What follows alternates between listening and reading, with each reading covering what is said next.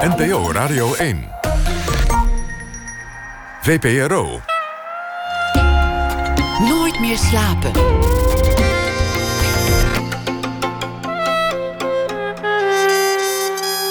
Met Pieter van der Wielen. Goedenacht en welkom bij Nooit meer slapen. De ontgroeningstijd is weer begonnen en precies nu verschijnt het boek Het Dispuut van schrijver Victor Frulke. Dat vertrekt bij zijn ontgroening van een dispuut dat heet Multatuli. Waar Multatuli het vast niet had gered. Een geestige en wrange roman over de moraal van het corporale leven. Aandacht voor het eerste archief voor de zwarte geschiedenis in Nederland. Een particulier initiatief is dat. En Diederik Stapel, filmfanaat en voormalig professor, beveelt elke nacht een film aan. En dat doet hij zometeen ook na één uur. We beginnen komend uur met Aard Staartjes. Hele generaties kennen hem als de Norse meneer Aard uit Sesamstraat.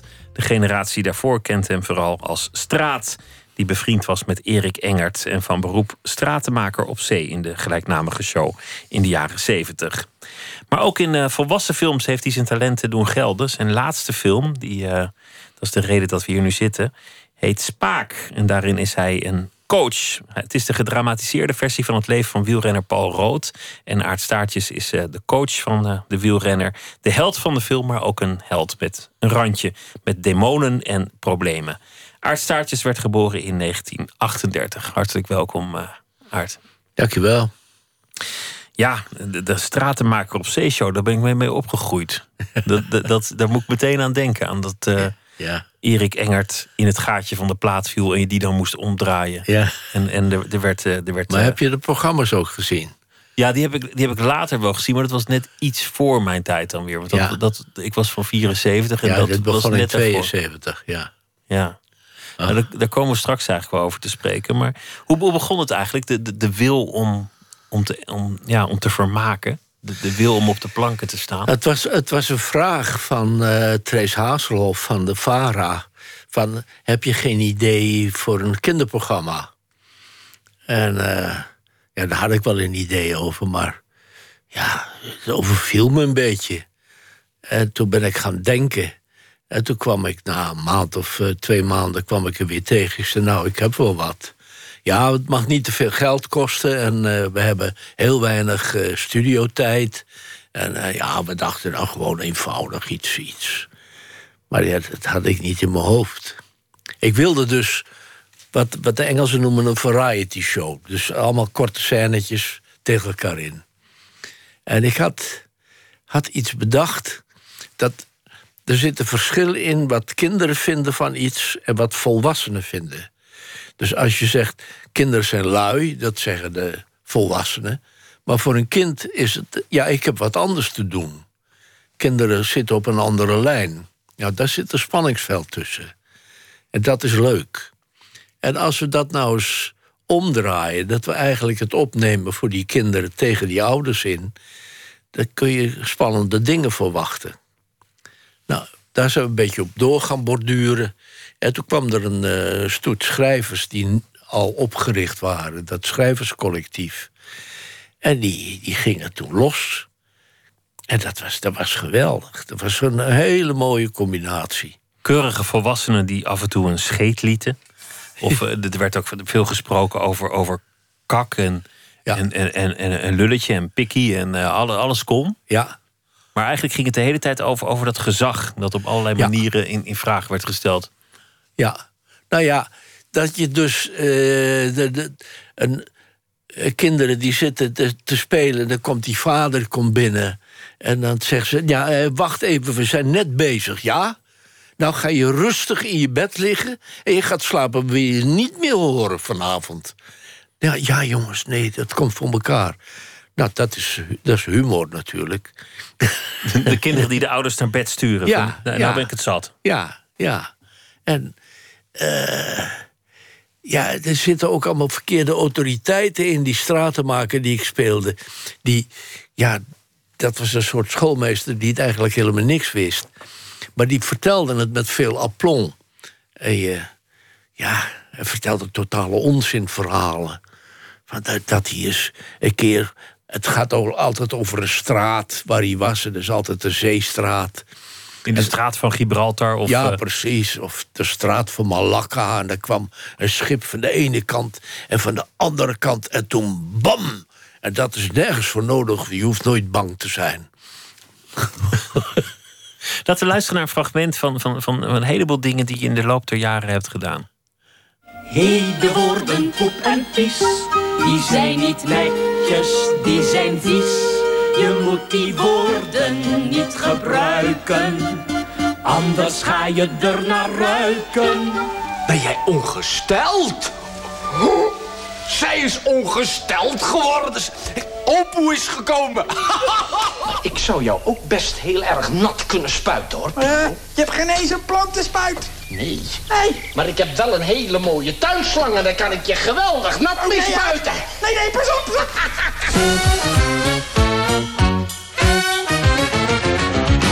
Sinterklaas! Na dit jaar mij niet meer verwelkomt, daar ben ik toch wel heel ongerust over. Ik hoop dat hij er nu... Hij is er! Hij is er! Daar ben je! Oh, Aard! Hallo! Hallo Sinterklaas! Hooggeeraad publiek. Dan nu, Nederlands jongste eeuwigheidskunstenaar,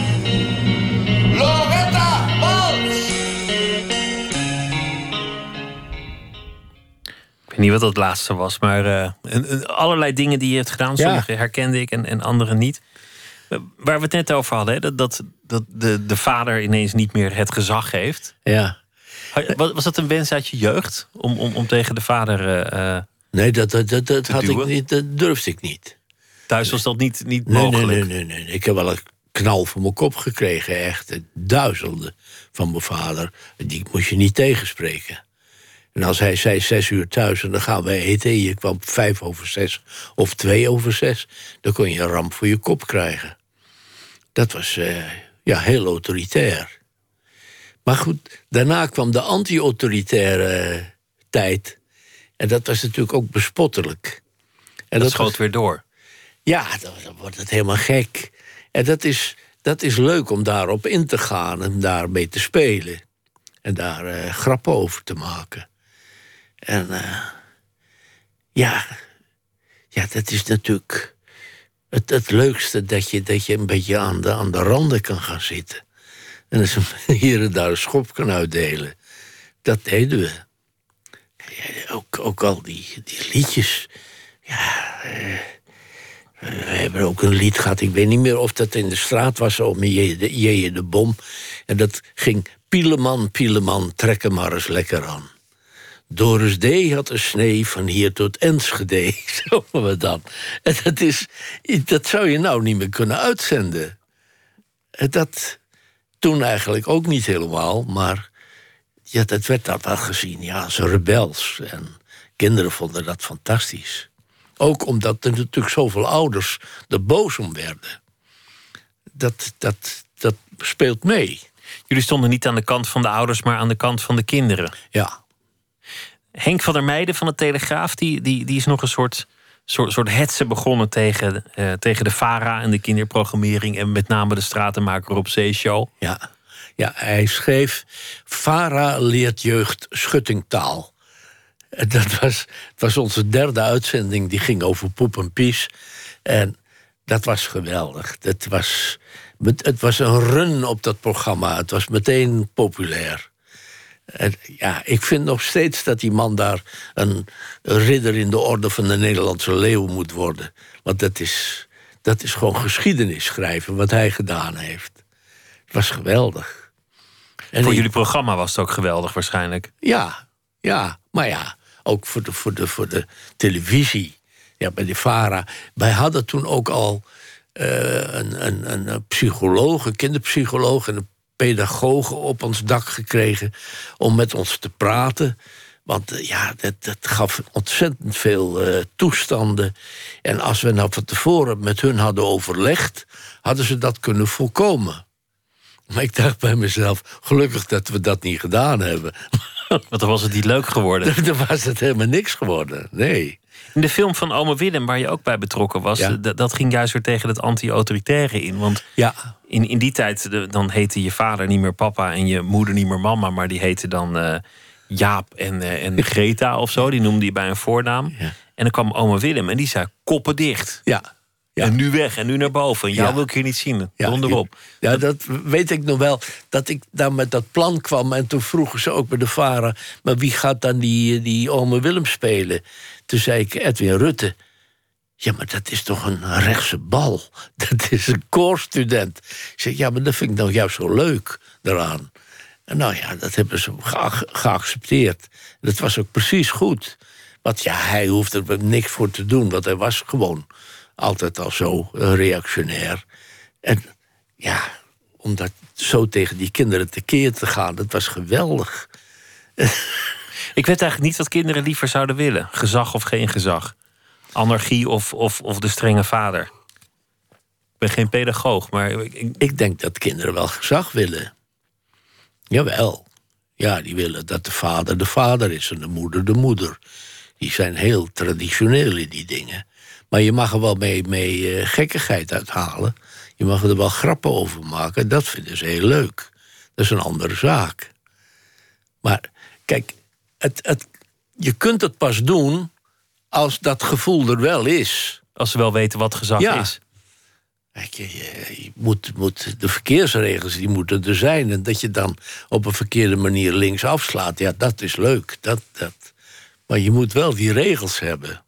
En daar moet je omheen fietsen. En dat was toen, ja, die anti-autoritaire opvoeding was natuurlijk bespottelijk.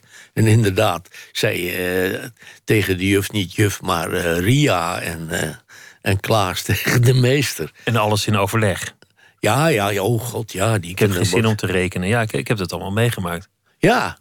En ja, dan kreeg je, kreeg je kinderen tekenlessen. Daar hadden ze, gingen ze fingerpainting maken. En dat was natuurlijk één grote kliederzooi. En dan zei de juf, ja goed zo, mooi zo, maak er nog maar één. En ja, maar ze dachten dan dat je dan de creativiteit eh, naar voren haalde. Maar dat is natuurlijk niks. Je, je krijgt anarchie. Kinderen moeten gewoon, als, als ze willen gaan tekenen, moeten ze op een kop krijgen dat je het niet goed gedaan hebt.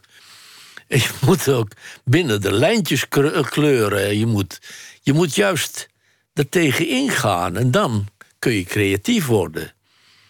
Maar ja, Was jij zelf een gelukkig kind? Was jij gelukkig thuis in jouw, jouw gezinssituatie? Want je zei, mijn vader was wel echt de autoriteit. Zes Ja. uur thuis was zes uur thuis. En je sprak hem niet tegen, want je kon een ram krijgen. Ja, kijk, ik, was van een ander, ik ben van voor de oorlog. En ik ben groot geworden in de oorlog. En dat was voor mij een prachttijd. Voor een, voor een jongetje van vier is die oorlog prima. Want er is één vijand, dat is die rotmof. Daar moest je voor uitkijken. En de buren mocht je niks aan vertellen, want die, die deugden niet, die waren fout. En mijn vader had een klein timmerfabriekje. En ik speelde tussen de krullen. En ik, eh, ja, ik maakte bootjes en deed van alles. hoefde niet naar school. Fantastisch. Maar thuis was er een streng gezag. Ja, vader en moeder. En ja, gelukkig kan ik niet zeggen dat ik dat was. Maar ook niet ongelukkig. Het was gewoon zoals het. Het was zoals Was. het was.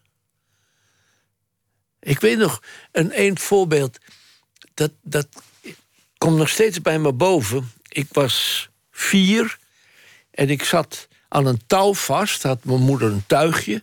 En dan een touw met een geitenpin in de grond. Want we woonden aan een dijk, Nieuwe Dammerdijk. En dat stukje gras, daar mocht ik die weg niet op. Want er kwam wel eens een paardenkar voorbij en dat soort dingen.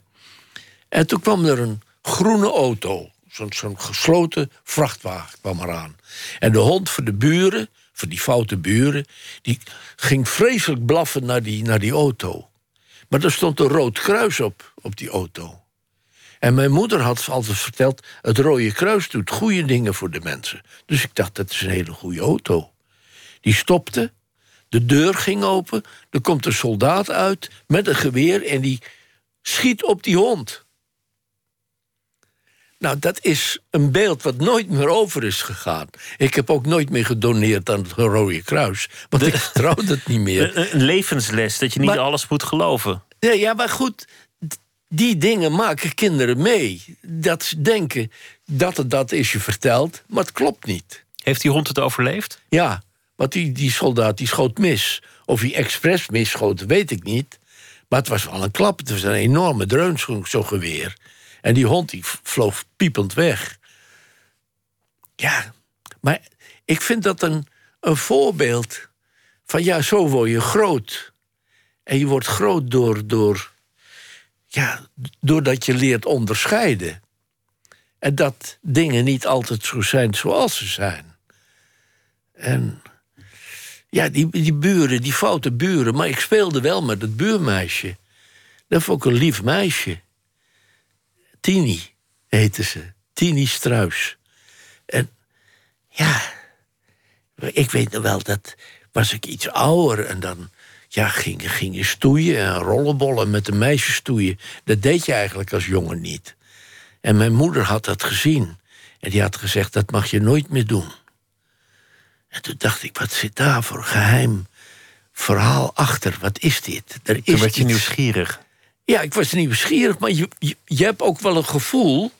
Maar als die ouders dat gaan verbieden, dan, wordt het, dan krijgt het een andere betekenis. Dan denk je, hey, wat is dit? En dat komt er later nog wel eens een keertje uit. Dat vind ik leuke dingen. Dat, dat is hoe je, hoe je oud wordt. Je, je dacht altijd dat je met je vader een hele goede verstandhouding had gehad. Je dacht altijd dat, dat, dat, het, dat het goed was geweest. En, en pas na zijn dood keek je in zijn notitieblokje en kwam erachter, kwam je erachter dat het heel anders zat. Hij vond me niks. Hij, hij had, geen, had geen, geen enkele bewondering voor jou. Nee, nee, hij vond me helemaal niks. En ja, ik kan me ook wel voorstellen, die man heeft de, de, de crisis meegemaakt. In 1930 was hij werkeloos. En hij was timmerman. En in die tijd, werkeloze tijd, heeft hij het voor elkaar gekregen dat hij toch MTS kon halen. Dan moest hij af en toe met stempelen, moest hij heen en weer, maar dan kon hij dat net halen. En toen heeft hij zijn aannemersdiploma gehaald in die, in die periode. En die heeft zich doodgewerkt. En die, dan is er een zoon, die wordt dan een labbekak, dat wordt een kunstenaar. Dat is toch verschrikkelijk? Hij had, hij had toch ook trots op je kunnen zijn, naar je voorstelling kunnen komen kijken.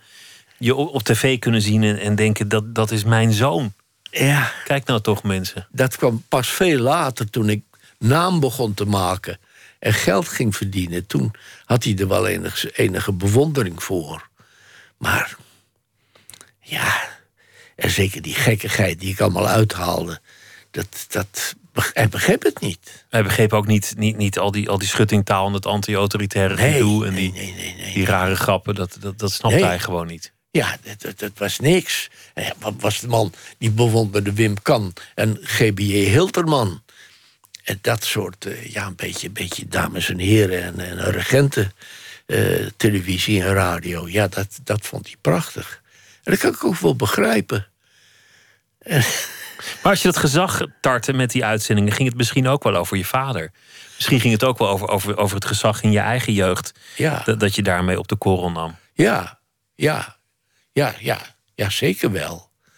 Ja, eh, ja, hoe zou ik dat zeggen? Ja, natuurlijk, het was een opstand tegen de ouders. Maar toen die anti-autoritaire beweging begon, toen dacht ik ook, ja, kom op zeg. Dit gaat weer te gek. ver. Dit, dit schiet door, dacht je. Ja, ja, Jouw eigen vader heeft zichzelf ook nog bevrijd. Want die is op, op relatief late leeftijd gescheiden Ja. van je moeder. ja, Terwijl die de zeventig al naderde.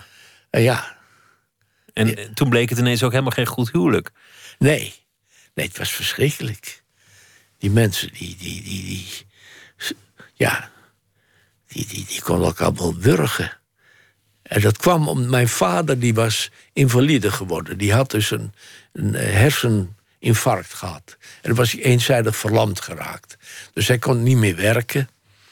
En eh, mijn moeder, mijn moeder was altijd degene met alle ziektes. Mijn moeder was beklagenswaardig. Maar nu keerden de rollen zich om.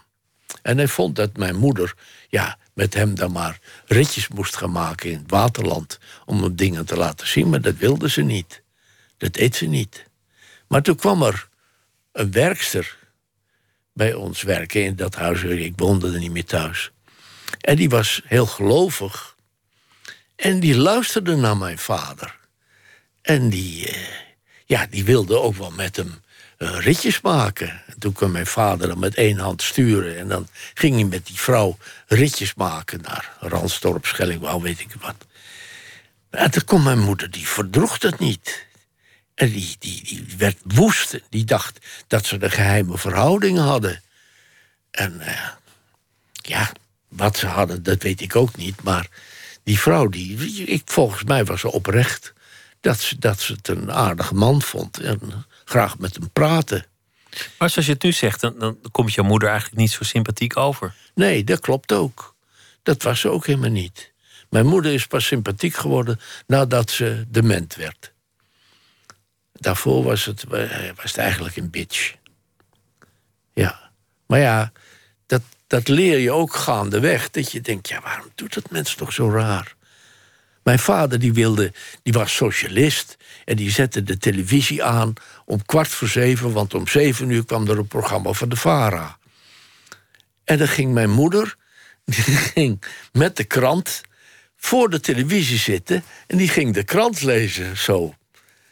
En ja, er werd die man woest. En die, Want die wilde per se dat programma zien. Die, die zat er klaar voor. Ja. En dat, dat strijteren. En dat kon ze meesterlijk. Ja, eh, ja, en uiteindelijk hebben mijn broer en ik tegen die ouders gezegd... zou je niet eens uit elkaar gaan? Nou ja, dat was natuurlijk uh, heel, helemaal... Dat kon helemaal niet, maar uiteindelijk hebben ze dat toch gedaan. Ja. Was je vader opgelucht? Nee. Nee, mijn vader begreep er niks van. En die, ja, hij, hij zei dat hij opgelucht was, maar hij was natuurlijk ook de, de zorg kwijt. Hij woonde toen alleen in een flat. Ja, dat was helemaal niks. Dat was echt, niks. En die man was bang dat hij uitgleed. En dan ging hij onder de douche. En dan deed hij zijn bergschoenen aan. Maar dan gleed hij niet uit. En dan ging hij met die schoenen aan. Ging hij onder de douche. Ja, hij kon helemaal niet voor zichzelf zorgen. En uiteindelijk, ja, was hij weer gevallen, was er weer toestand. Dan zei hij, het socialistische bejaardenhuis, zorg even dat ik daar kom. Nou, toen ben ik maar heen gegaan met die directrice te praten. En als ze dat contant betaalde, dan mocht hij erin. Nou, toevallig was er wat geld. En kon hij in dat bejaardentehuis. Het was maar... Oh. In die tussentijd werd jij acteur. Dat, dat ging eigenlijk ook niet heel makkelijk. Want, want, want je was natuurlijk een ander soort acteur dan Nederland tot dan toe kende. Ja. Als jij bij een toneelschool aankwam, dan, dan was je niet meteen de gedroomde kandidaat voor Nee. ze. Nee. nee Hoe reageerden ze bijvoorbeeld op, jou, op jouw spraak? Ja, dat, heel slecht. Ik meteen het eerste jaar al zei de spraaklerares... ja, dit, je, kan het hele, dat kan helemaal niet. Jij kan niet in een klassiek stuk met deze uitspraken. Ik zei, ja, ja, goed, maar ja... Ik, ik vond niet dat ik Amsterdam sprak, dat weet je niet. Het, eh, maar ik had, eh, ik had maar eh, 24 letters in het alfabet, hè, dus die andere... De, de V en de F, dat was hetzelfde. En de S en de Z, ja, dat Ja. is eh, Amsterdams. Maar ik verdedig me ook. Ik zei, ja, maar kijk dan eens naar, naar, naar, naar eh, allerlei beroemde acteurs. Die knauwen. Marlon Brando, die knauwde. Die had plat. Eh, Jim Dean, waren er meer? Engelse acteurs. Nee, ja, nee, nee, nee. Het moest allemaal keurig eh, spreken. En toen moest ik dat verbeteren, want anders eh, werd ik van school gestuurd. Nou, uiteindelijk ging ik dus in het tuig, want ik wilde per se acteur worden. Maar ik, ik heb die dingen nog wel eens teruggezien. Dat is niet om aan te horen, zeg. Allemaal zo gesproken en allemaal heel netjes en keurig. Denk je, Ja, dat ben ik niet. En waarschijnlijk wordt zo'n rol er ook niet geloofwaardiger van. Nee, natuurlijk niet. Want hoeveel mensen praten nou zo netjes? Ja, ja, nou ja, heel veel van die toneelspelers die praten zo. Maar dat was niet het toneel wat ik wilde. En ik, ja. Dus dat was een heel gevecht. Dat is een heel gedoe geweest. En daarna een heel groot gevecht om dat rare praten en dat rare bewegen af te leren. En eh, ja. En uiteindelijk toch terechtgekomen. Gelukkig wel. Langs vele omwegen. Ja. Toen, toen jij een, een, een gevierd acteur was, toen, toen ehm, was je ook al vrij jong getrouwd. Je, Ja. je, je, je ging meteen het gezinsleven in. Ja. Nog, net niet in een rechte lijn vanuit, vanuit huis, maar het Nee. scheelde niet veel. Nee. En heel jong vader geworden. Ja. Ja. Hoe, hoe kwam dat? Ja, hoe komt het dat je jong vader wordt? Dat er geen Het voorboedsemiddelen fysieke waren. deel. Nee, de pil was nog niet uitgevonden. Het was niet een soort verlangen om je eigen gezin te, te, te vervangen voor een ander gezin. nee, of zo. nee, nee, nee, nee, nee. Nee, ik vond dus wel een, een vrouw die... Dat had ik niet in de gaten, maar eigenlijk precies op mijn moeder leek. Het gedrag van mijn moeder had. En dat is... De psychiater heeft later uitgelegd dat het een vrij normale manier van doen is. Je grijpt altijd terug naar, naar die rolmodellen. En dan moet die vrouw dan weer al voldoen. En dat was dus een verkeerde keus. Maar ja, toen was ik inmiddels drie kinderen verder. En dat was heel ongelukkig, ja. Ja. En ook voor de, voor de kinderen, dat is, dat is natuurlijk geen leuke situatie. En ja, na een paar jaar waren er hele aardige actrices... die mij ook heel leuk vonden. En je ging wel eens op reis, ja. Dan bleef je wel eens ergens eh, liggen dan, of, eh, of dan had je wel eens wat vertraging onderweg. Nou ja, eh, we logeerden ook vaak. Toen was je in Maastricht en dan bleef je twee, drie dagen in Maastricht. Ja, dan gebeuren die dingen. En ja, eh, ook de leugen waar je dan in terechtkomt... dat is natuurlijk ook zwaar. Dat is, dat is niet goed. Niet goed voor een mens. Dus dat heeft me ja, veel gekost. Om, om in eigenlijk in een slecht huwelijk terecht te zijn gekomen. Ja, ja. En, en ja. Eh, uiteindelijk heb ik de moed gehad om te zeggen: dit, eh, dat kan niet meer, ik doe het niet meer. Ik hou ermee op. En dat was ja zwaar, want je laat. Ja, de kinderen waren al groter, de jongste was 16. Maar toen dacht ik: ik red het niet meer, ik trek het niet meer. En. eh, dus Je zoon zei op televisie in, in, in een portret dat over jou gemaakt is... ze hadden eigenlijk geen kinderen moeten krijgen. Ze hadden het gewoon niet moeten doen. de rotjongen. Ja. Ja, niet dat dat zo makkelijk was in die tijd, maar Nee, maar ja, dat was Paul. En eh, ja, ja, ja, dat, ja, hij had wel gelijk en ook geen gelijk. Hij is er ook gekomen. En eh, ja, ja, hoe is het? Het was de tijd ook. Het was, ja, het, in, in die tijd kregen meisjes en jongens heel jong kinderen ook. Het was 58, 59. In 60 kwam mijn eerste kind. Eh, wanneer kwam de pil? 61, 62. En ja, ik kwam natuurlijk ook uit. Ik, ik kwam niet uit een deftig milieu. Het was, was eh, ja, eh, een beetje eh, ja, arbeidersachtig. En ja, daar was dat vrij normaal. dat is wat je deed. En soms ging het goed en soms ging het niet goed en Ja. soms ergens tussenin. Ja. Ja. En ik was wel handig. In toneel was ik ook wel handig. Want ik pakte alles aan. Het kon me niet schelen wat ik moest spelen. We, we hadden eens een keer een, eh, een televisieding. Dat waren dan grote snabbels altijd. Ja, dat was... Rob de Vries speelde dat ermee. En Koen Flink. En die hadden de hoofdrollen. Maar er was ook een Chinees bij. En die Chinees, die zei drie keer oké. En alle acteurs hadden dat geweigerd. En toen kwamen ze bij mij. Ik zei, nou graag. En toen kreeg ik dus voor die... Ik kreeg dus 150 gulden per oké. ik moest het drie keer zeggen.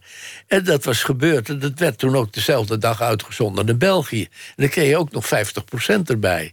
Nou, dat was voor mij een vermogen.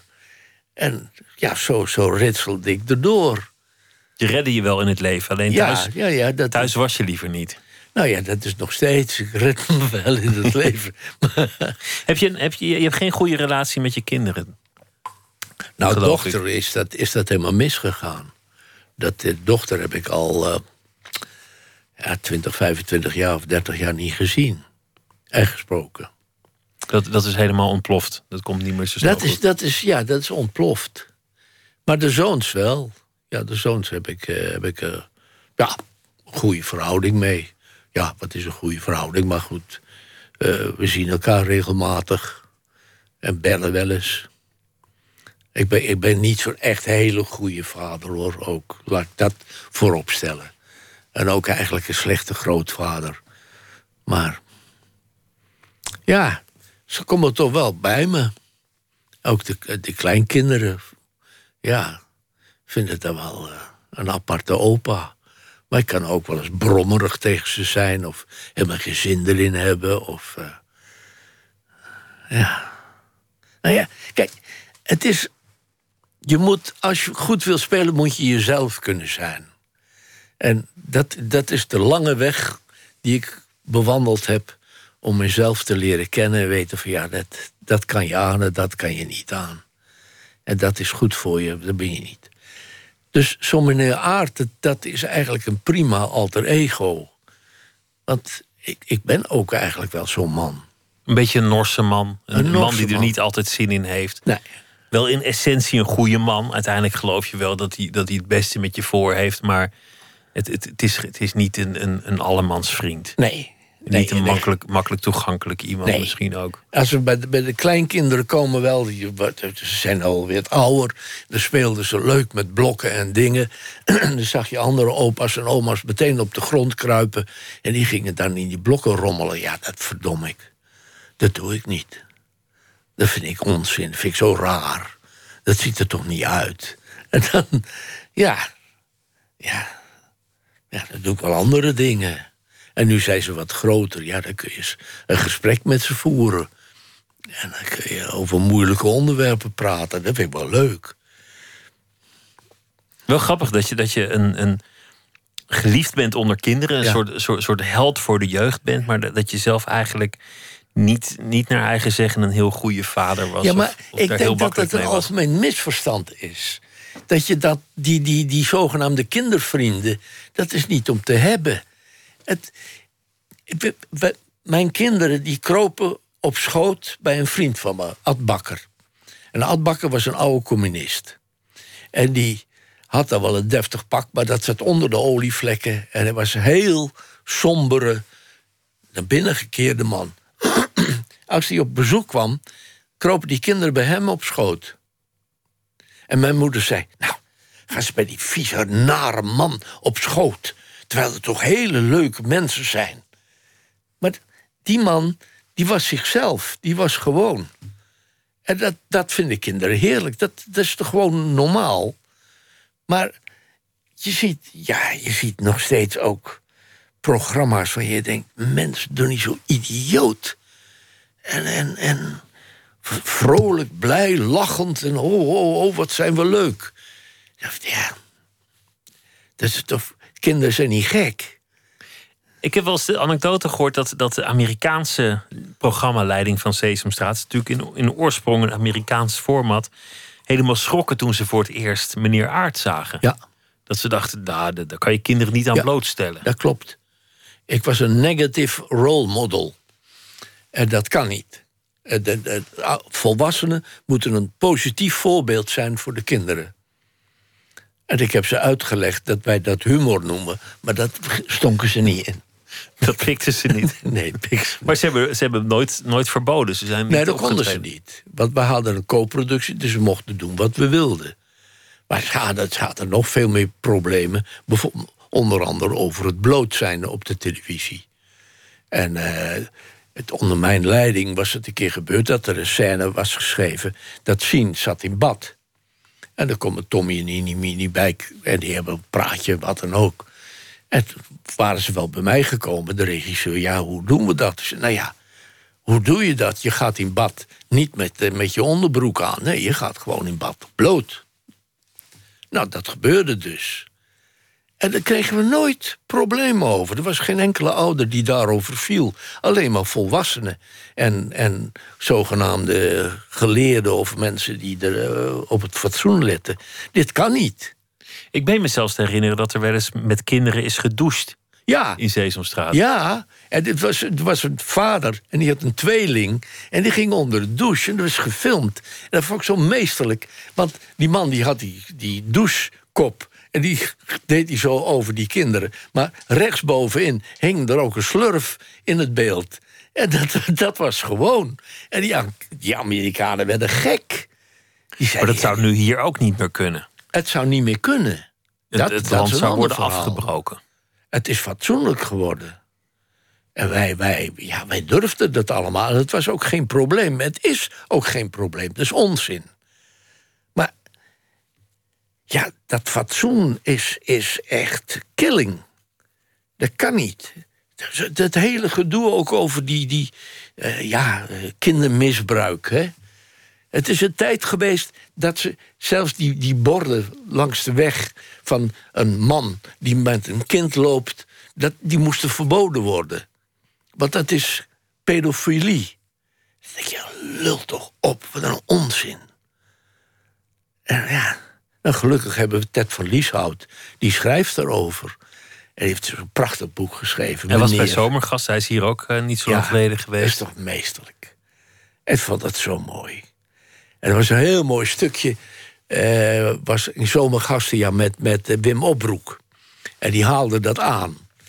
En ja, toen werd er ook gezegd door die Gerbrand Bakker, die vriend van die. van. hoe heet die? Eh, van de schrijver. En die zei: Ja, het is een vies boek. Toen zei ja, nee, ja. Waarvoor nou? Want wat er gebeurt met die meneer, met dat jongetje. Ja, hij deed dingen met het jongetje wat je, die je eigenlijk niet moet doen als volwassene. Maar dat was ook liefde.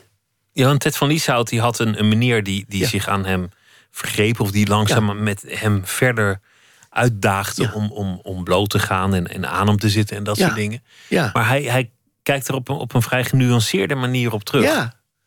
Maar het is ook liefde. Het is ook aandacht. En, en het, het, natuurlijk, je gaat over de grens heen. Maar tegelijkertijd is er toch ook een warme belangstelling. Het is een volwassene die echt geeft om dat joch. En dat vind ik mooi, dat hij dat durft te schrijven. En van de uitgever ook, dat hij dat durft uit te geven. Want de stemming is dus allemaal tegen. In Amerika mo- mogen de meesters en de juffen de kinderen niet meer op schoot nemen. Maar ik was in een interview met jou niet zo lang geleden dat jou, jou, de breuk met jouw dochter werd veroorzaakt omdat zij had gedreigd jou te beschuldigen van, van kindermisbruik. Ja, ja, ja. Maar kijk, de, de, de, de beschuldiging is natuurlijk heel ernstig.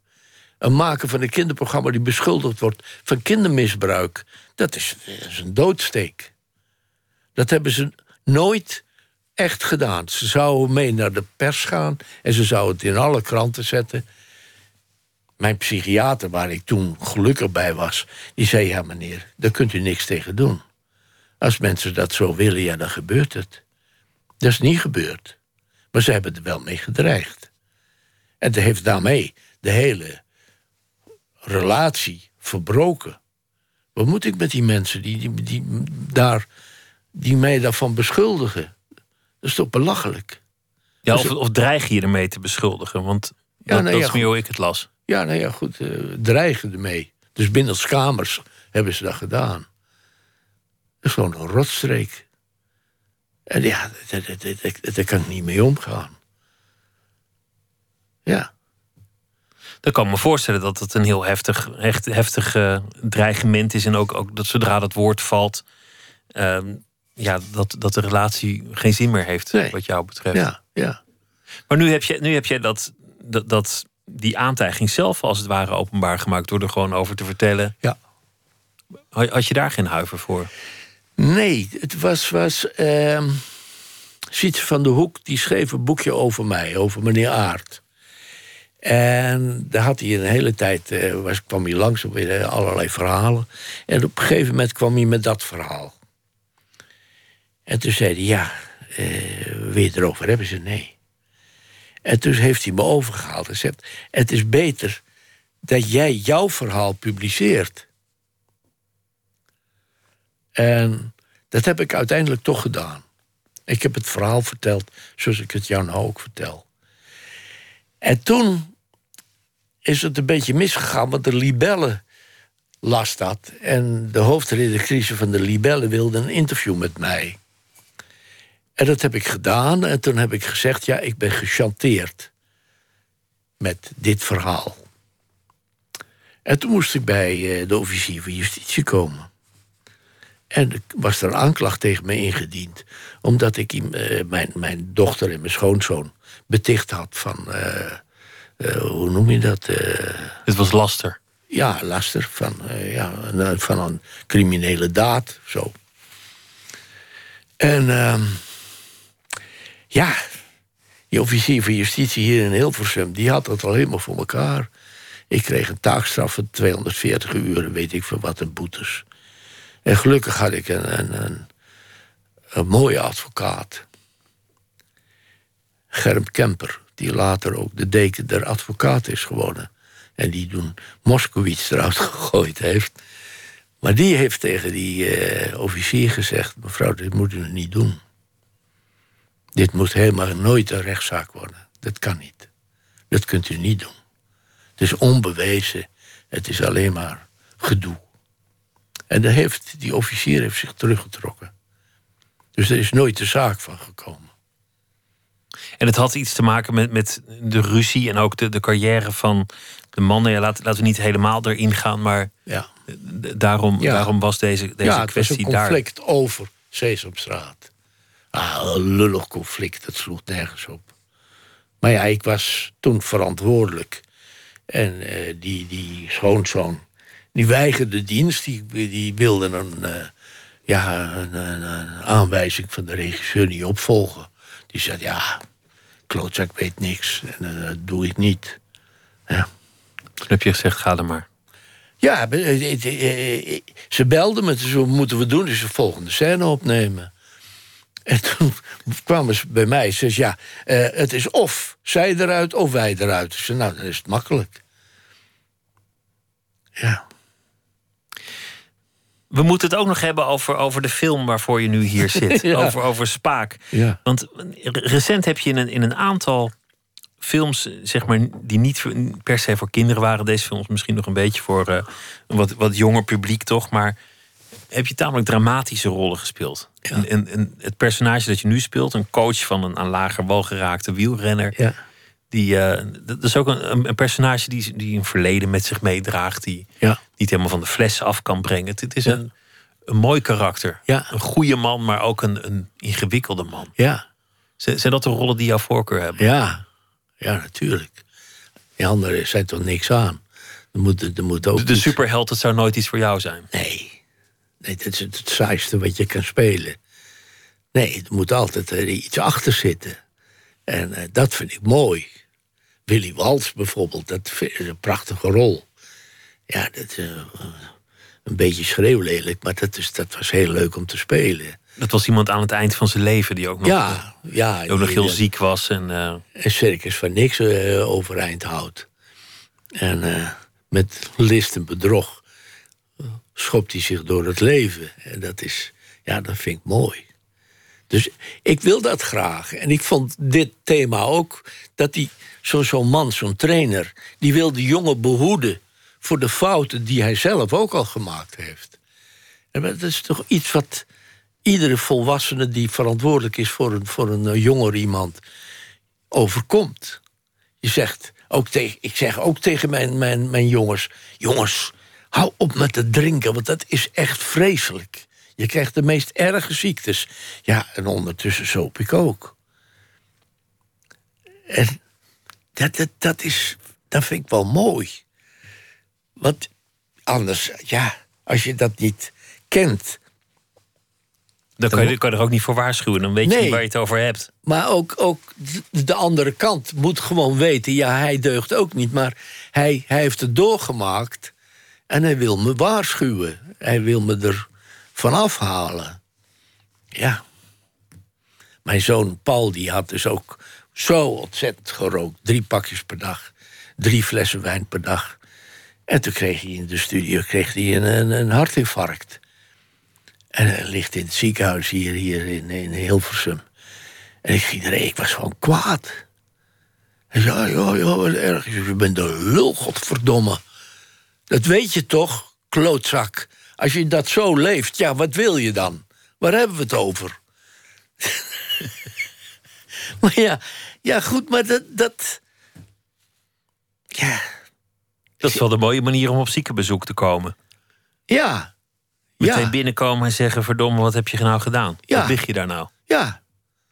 Kijk, maar dan, dan ben je tenminste jezelf. Dan, dan, je, je, moet geen, geen onzin zitten te verkopen. Ja. Ja, Net als mensen tegen kankerpatiënten zeggen... je moet ervoor vechten. Ja, kom op, zeg, met een onzin. Je kan niet tegen kanker vechten, dat is onzin. Je, je hebt geluk als je de juiste medicijnen krijgt... en de juiste dokter. Maar het is natuurlijk verschrikkelijk. Je hebt niks overwonnen. Je hebt, je hebt gewoon geluk gehad. Ja. Ja. Die, je, je bent nog steeds veel aan het werk. En, en eh, je had aangekondigd te stoppen met Sesamstraat, maar je gaat toch nog door. Ook al, ook al zijn er allemaal veranderingen. Nu heb je deze filmrol. Er komt geloof ik nog een filmrol aan. Eh, af en toe doe je nog iets op toneel. ja. Waar- waarom is dat dat je, dat je zo graag door wil gaan? En zelfs nog af en toe een beetje klaagt over te weinig werk. Nou ja, je, je, kijk, je- dat, dat is. Als je acteur bent, wil je verhalen vertellen. Je wil jouw verhaal vertellen. Op, op wat voor manier dan ook. Als ik weer een rol krijg, pruts ik er toch altijd wel een persoonlijke ervaring in. Het, het, het moet ook mijn verhaal zijn. En ja, dat laat me niet los. Wat anders, ja, wat moet ik dan anders? Anders zou je thuis zitten en een soort meneer Aard worden misschien. Ja, ja. eh, eh, vreselijk mopper op de mensen die met modderschoenen binnenkomen en zo. Nee. Ja, je, je- er- moet, er moet ergens iets in je zitten, bepaalde ja, stormen, drive, om, om door te kunnen gaan. Ja, dus ja, kan ik ook beter dood zijn. Denk ik ook vaak hoor. Denk ik wel. Van kan maar beter dood zijn. Ja. Dat, van, die, van, die, van die momenten dat ik denk, ja, kom op, ik heb er geen zin meer in. Het zal ook wel een keer gebeuren, hoor. Dat, eh, Maar dat- daar ga er maar vanuit. ja. Dat ja, komt nog maar- wel. Ja. Ja. Maar ja, tot nu toe vind ik het leuk. En er zijn toch altijd nog wel oude lullen die ook gespeeld moeten worden. Ik ga volgend jaar ook een stuk spelen van een 80-jarige psychiater. Dat, eh, Flip Broekman heeft dat geschreven. Ze hebben er maar voor gevraagd. En die, die man die eh, zegt, er helemaal geen zin meer. Wat hij wat die gedaan heeft, allemaal waanzin. Ik heb die mensen allemaal geholpen, maar nergens voor. Ik hou ermee op. Eh, tegen zijn vrouw verkoop het huis, maar ik doe het niet meer. Hou ermee op. Dan komt er een patiënt binnen die hij helemaal vergeten was. En dan gaat vreselijk tegen die man tekeer. Ja, wat kom je doen? Wat is er nou? Ja, maar ik wil geholpen worden. Ja, waar, waarmee dan? Ja, ik, ik, ik, ik zie het niet meer zitten. Hoezo dan? Ja, ik vind het leven helemaal niks. Precies dezelfde tekst die hij tegen zijn vrouw ook had. En ja, dan ontstaan er allerlei gesprekken en situaties... waarbij ja, je eigenlijk tegen zichzelf ingaat. En ja, dat vind ik wel een, een leuk onderwerp. Maar dat is volgens mij niet iets dat jij zelf uiteindelijk zou zeggen. Ik vind het leven maar niks. Ja, ja, Want, want je, je, je hebt misschien wel een, een beetje de aanschijn van een, een Norse man. ja. Of, of iemand die, die, die, eh, die zich niet al te makkelijk laat verleiden tot dingen. Maar zeggen, ik vind het leven maar niks. Dat is volgens mij ook weer niet hoe het zit. Nou ja, het, het leven is zinloos. Ja, dat is iets anders. Nou ja, goed, eh, dat je kunt zeggen zinloos of dit. Het is niks waard. Het is maar wat je ervan maakt. Het, als je die, zolang ik die verhalen kan vertellen, is het iets waard, vind ik. Als ik een, een, een, een- een, ja, partij kan spelen, ja, dan, dan heb ik wel een beetje lol in. Dan denk ik, ja, heb ik toch iets laten zien. En voor de rest denk ik, ja. Ja. Maar, maar ik, ik heb me laten vertellen dat, dat, je, dat, je, dat je een stuk luchtiger in het leven staat sinds je je, je vrouw hebt ontmoet. Ja, dat heeft iemand gezegd. Dat, is, dat was ook echt eh, een goede, goede set. Ik was gescheiden. En, eh, En toen heb ik eh, via Hans Dorrestein een andere vrouw ontmoet. En dat, ja, dat was, was goed. De ex van Hans Dorrestein was het toch Ja, ja, we hebben een verhouding gehad met elkaar. En ik had tegen Hans gezegd: Hans, ik, eh, ik eh, zoek een vrouw. Oh, zegt hij, geef de telefoon maar even, ik weet wel iemand. en zo ging dat. En ja, dat was. We schrokken er alle twee van. van die snelheid. Maar ja, binnen vier maanden waren we getrouwd. Dus dat wa- was ontzettend een goede set. Het klopte gewoon Een ook, goede intuïtie. Ja, goede set. We hebben het ook niet makkelijk gehad hoor. Dat, dat, dat- daar niet van, maar het is ja, uiteindelijk ja, een hele goede, goede set. Hoe lang zijn jullie nu samen? 26 jaar. 26 jaar. Nou, dan, dan heeft het zich wel bewezen als een goede set. Ja, dan moet het wel goed zijn. Ja. Had je daarna nooit meer de oude demonen van, van eh, de, de drang om, om ergens anders te blijven slapen... of om, om, om, om te gaan drinken of om, om al die dingen te doen Nou die je dat- daarvoor deed? Nou ja, die, kijk, eh, eh, ik, ik, ben, ik ben eigenlijk redelijk monogaam. Maar precies redelijk monogaam. Maar dat gebeurde wel. Min of meer monogaam. Ja, dat gebeurde wel. Zoals iedereen eigenlijk. Maar ja, ja. ja, toch? hier. Ja. En ik, ik, ik drink geen alcohol, maar ja, redelijk niet. Af en toe wel. En ja, ja, godverdomme, dat vind ik nou leuk. Zo wil ik, wil ik leven. Je moet, je, ja, in principe zijn we allemaal socialist. Dat, in principe zijn we dat. Maar ja, Het loopt wel eens anders. ja, er moet wel geld op de, op de bankrekening staan. En af en toe, ja, dan moet je ook wel eens ja, wat uithalen om, om weer verder te kunnen. Ja, nou ja, ik, ik hou wel van die manier van, van leven. De slordigheid. Ja, je moet, je, moet- het, het kan niet allemaal absoluut zijn. V- vandaag vertelde iemand die voor ons eh, werkt... die vertelde, ja, het was een christelijke familie. Mensen waren heel christelijk. En die keken ook nooit televisie. En die hadden ze niet, en ze dronken ook niet. Maar die mannen, die hadden allemaal schuine praatjes. En toen dacht ik, god, wat een leuke familie is dat eigenlijk. Dat vind ik, dat vind ik dan mooi. Daar wordt die familie een stuk leuker van. Ja, ja, vrachtwagenchauffeurs die dan heel christelijk zijn... maar toch blote meiden kalenders in hun auto hebben... en daar ja, smerige opmerkingen over hebben. Dat, vind- dat vind ik dan wel leuk. Het is ook wel mooi, want je zei over jezelf van nou ja, je, het beste wat je kan doen voor een kind, maar eigenlijk voor iedereen, is jezelf zijn. Dat Ja. mensen in ieder geval kunnen zeggen, nou hij, dit, dit was hij. Ja, Het was Ja. in ieder geval geen huigelaar of hij deed zich niet anders voor dan hij was. Dit Ja. was het. En als het onvolmaakt is, nou ja, dan is het maar zo. Met alle Ja. fouten, alle tekortkomingen, ja, alle slechte kanten. Nou ja, dit was het. ja, Zo, zo was mijn leven, dit is wie ik was. ja, Dan is het goed. ja, ja. Ja, Maar eh, wat, wat mij lastig lijkt, ik, ik zou wel 300 jaar oud willen worden, maar dat je dan op een gegeven moment alles, alles wat je hebt opgebouwd weer ziet, ziet afgebroken worden, of dat alles waar je deel van uitmaakte ten onder gaat. ja. Ik, ik heb wel eens naast een architect gezeten die vertelde dat hij een groot architect was, maar dat geen van zijn gebouwen er nog stond. Een oude man. En dacht ik van ja, dat, dat is toch, dan heb je net te lang geleefd. Verschrikkelijk toch. Ja. Is dat iets dat, dat, dat jij Ah ja. herkent als een- zo'n Sesamstraat van de zender wordt, ge, wordt ge- geplukt en dat soort dingen? Dat doet me pijn. En ze- zeker zo'n laatste artikeltje in de Volkskrant... waarin die directeur van, die van die NTR zegt van... ja, nou ja, kijk... eh, ja, als er nog maar 20.000 mensen kijken van een publiek van 500.000... Dan, eh, dan krap je je achter oren en denk je, dat kan niet. En hij heeft ook gezegd, het is niet meer voor deze tijd. Dat, ik lul op, het gaat niet om... Het is het, de tijd waarop het wordt uitgezonden, dat is cruciaal. Toen ze het weg gingen halen van half zeven of half zes... Ja, want er moest een actualiteitenrubriek komen. En nu zenden ze het uit, verdomme, om kwart over zeven 's morgens. Ja, logisch dat je dan 7000 kijkers hebt. Wat, wat, wat lul je nou toch? Je gaat de bijenkorf toch ook niet in de, de Klerkstraat zetten? Maar is dat, is dat voor jou persoonlijk jammer? Denk je dan van, god, dat is eigenlijk ook... Daar heb ik zoveel jaar van mijn leven voor gewerkt. Jammer dat het ophoudt. Of denk je, nou ja, het is geweest. Het was en het is jammer hoe het eindigt. Maar Nou ja, het moet maar. Ja, nou ja, dat, ja, daar komt het wel op neer. Maar het is toch, ik vind dat eh, echt heel erg.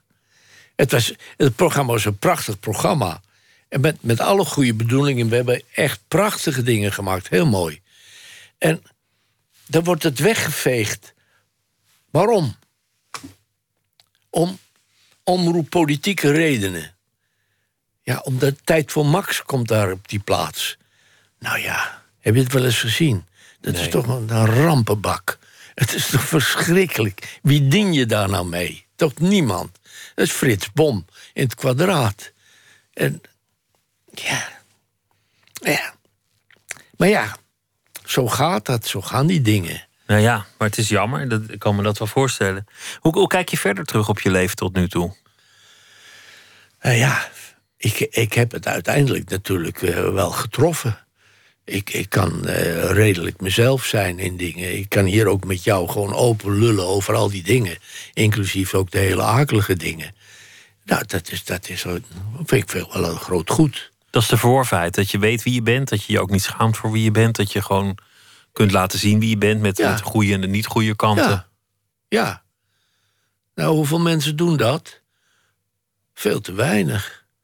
Godverdomme, wat een aanstellers allemaal, zeg. En, enorme dure woorden, en papegaaien. En dan denk ik, ja, hou eens op. Praat eens gewoon. Wat, wat, wat meen je nou echt? Wat ben je nou echt? Dat is toch zo? Daar gaat het toch om? Ik vind dat mooier dan, dan, dan al die bekende mensen die dan, die dan op zaterdag in de krant zeggen van... eh, op zaterdag schrijf ik altijd checks voor de armen of zoiets. Die zich dan als een soort eh, heilige voordoen. Ja, ja, vreselijk. Vreselijk. Ja. Ja, nou ja. Dit is wie je, wie je bent. Ja. Maar goed, dat, dat, dat vind ik ook e- eigen aan de kunst. Als je, als je kunst maakt, moet je ook datgene maken wat je zelf bent, wat je, wat je kunt, wat je kunt laten zien. En zegt, ja, nou, dit, dit bedoel ik dan. Dank je wel. De film heet eh, Spaak. En eh Aart Staartjes, dank je wel. Ik hoop nog heel veel eh, van je te zien. En het was me genoeg om je hier eh, te mogen Nee, ontvangen. ik vond het van een leuk gesprek. Ik ook. Ja, Dank jij, je wel. jij was ook goed op gang. Nou, dank je. We gaan zo meteen verder met eh, Nooit meer slapen, met heel veel andere onderwerpen. We gaan het onder meer hebben over eh, het leven van de koorbal. Victor Vrulke schreef daar een boek over. Twitter, het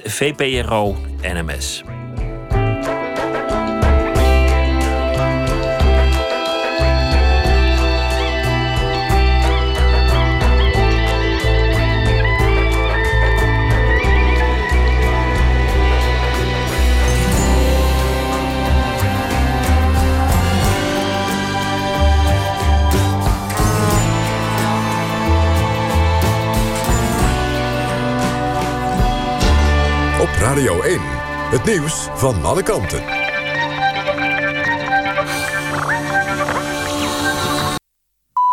Eén uur, Lot Lewin met het NOS-journaal. De zware tropische storm Harvey heeft al honderdduizenden huizen verwoest in Texas. De hoeveelheid regen die valt is nog altijd enorm. Op veel plaatsen is 1250 liter per vierkante meter gevallen. Volgens een Amerikaanse universiteit gaat het om een natuurramp... die maar eens in de duizend jaar voorkomt. Het Brabantse waterschap A en Maas gaat schade claimen bij een mestverwerkingsbedrijf in Helmond. Het bedrijf loosde het giftige ammonium, waardoor de rioolwaterzuivering in Aarle-Rikstel ernstig ontregeld raakte. Het gif kwam in de A en in andere beken terecht. Inmiddels is de waterkwaliteit weer hersteld. Museum Boymans van Beuningen in Rotterdam moet sluiten als er niet direct wordt ingegrepen. Het museum is in een veel slechtere staat dan gedacht. Er is 5 miljoen euro nodig voor een renovatie. Onder meer vanwege asbest in het pand en de brandveiligheid is niet optimaal. Volgens burgemeester Abu Taleb kan het geld binnen de huidige begroting worden vrijgemaakt. In Gorkum heeft een grote brand gewoed in een oude betonfabriek. Bij de brand kwam veel rook vrij. Omwonenden moesten ramen en deuren gesloten houden. Inmiddels is de brand onder controle. Er zijn geen slachtoffers gevallen. Het WK voetbal ligt steeds verder weg voor Oranje... na de 4-0-nederlaag tegen Frankrijk. Nederland staat nu vierde in de pool... en moet de resterende drie wedstrijden winnen... om alsnog als tweede te eindigen.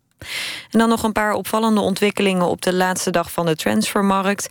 In Engeland huurt Brighton en Hove Albion Tim Krul, de doelman van Newcastle United, speelt tot halverwege 2018 voor de nieuwkomer in de Premier League. En ADO Den Haag heeft een slag geslagen met de huur van Ricardo Kishna. De 22-jarige ex-Ajaxiet komt voor één seizoen over van het Italiaanse Lazio. Het weer dan nog. Het kan vannacht mistig worden. De temperatuur ligt tussen de 6 en de 10 graden. Overdag wisselend bewolkt. Landinwaarts kan het flink gaan regenen. Het wordt zo'n 20 graden. Dit was het NOS Journaal. NPO Radio 1. VPRO. Nooit meer slapen.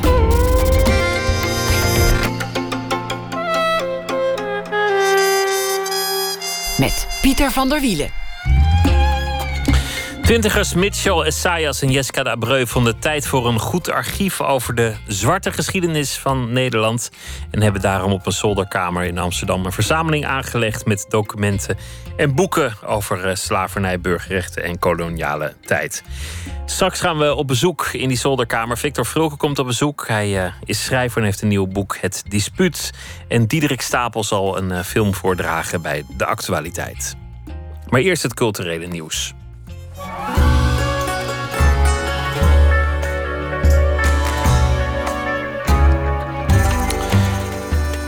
Zanger Lucky Fons 3, een alias van Otto Wiegers, gaat zich toeleggen op het schrijven van klassieke muziek. Dit weekend gaat op Vlieland tijdens het uh, festival daar Into the Great Wide Open zijn eerste liedcyclus in première.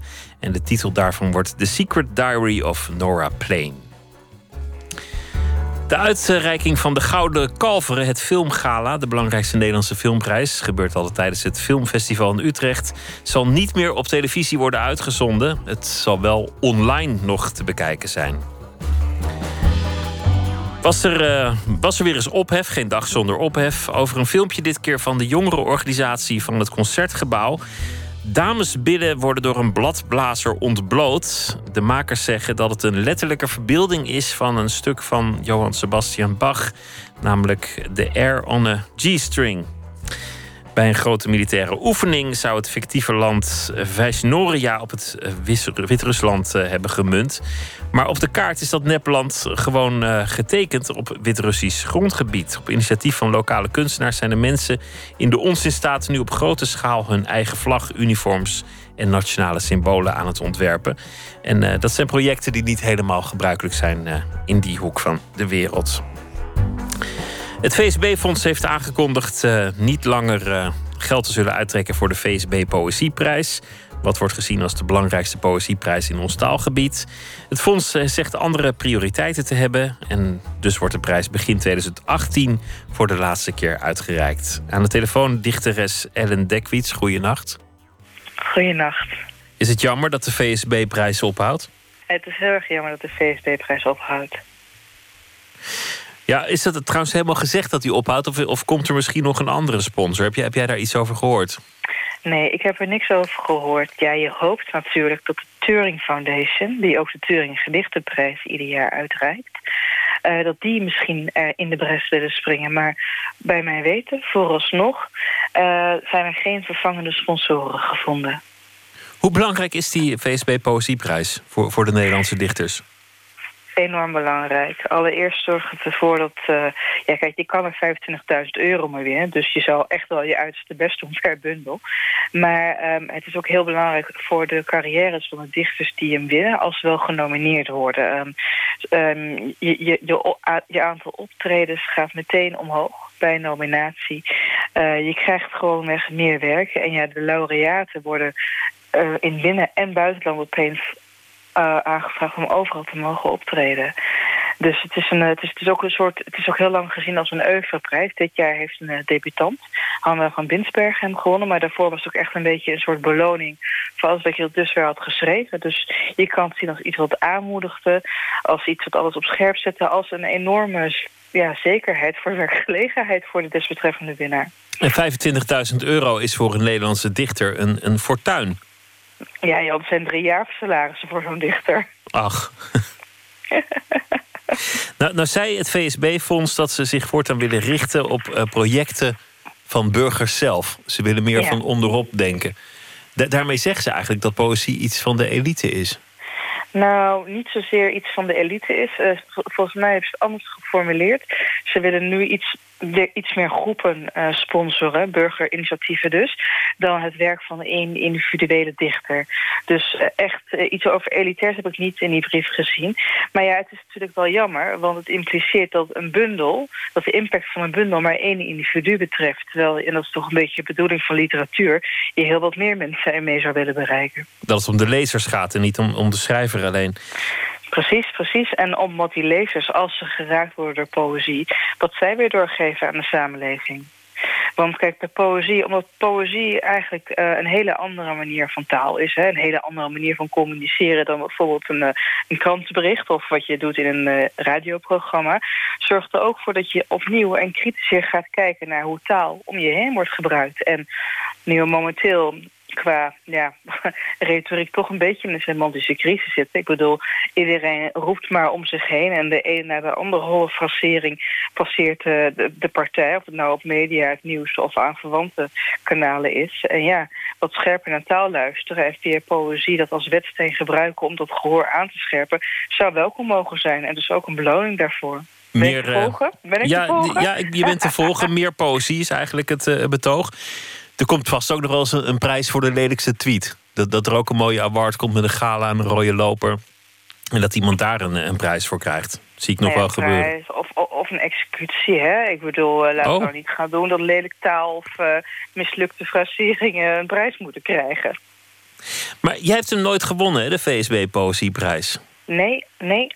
Ik heb uh, alleen de Buddingprijs gewonnen. Dat is de bundel voor het, het, de beste debuut van het jaar. Nou, dat is ook mooi. Dat is ook leuk. Dankjewel, Ellen Dekwiets. Toch een beetje een uh, somber moment voor de Nederlandse poëzie. Zeker weten. Goeienacht. Goeienacht. If a leopard never changes its spots, how can I change what I've got?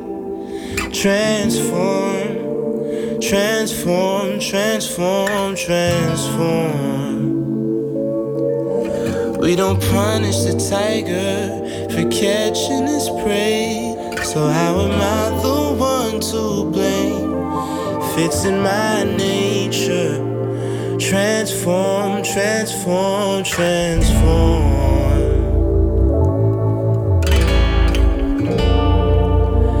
And I don't know why I fight it. The least I could do is try. The ego's in the way.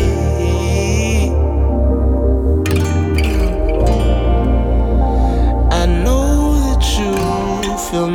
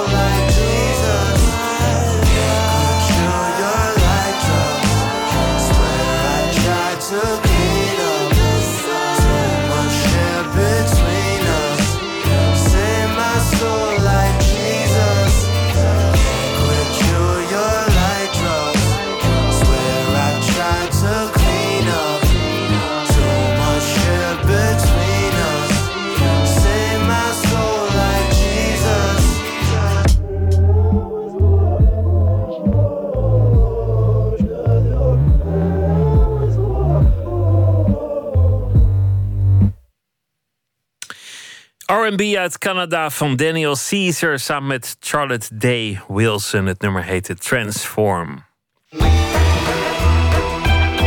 Nooit meer slapen. Werd tijd voor een eh, goed archief over de zwarte geschiedenis van ons land. Vonden twintigers Michel Essayas en Jessica de Abreu dus op een zolderkamer in Amsterdam. Begonnen ze de Black Archives, een verzameling boeken en andere documenten die gaan over kolonialisme, slavernij en burgerrechten. De collectie is uh, voornamelijk samengesteld uit de erfenis van de Surinaamse socioloog Waldo Helbron. En Nicolaou, onze verslaggever, die ging op bezoek, sprak met de initiatiefnemers en met een van de zoons van Helbron, Miguel Helbron.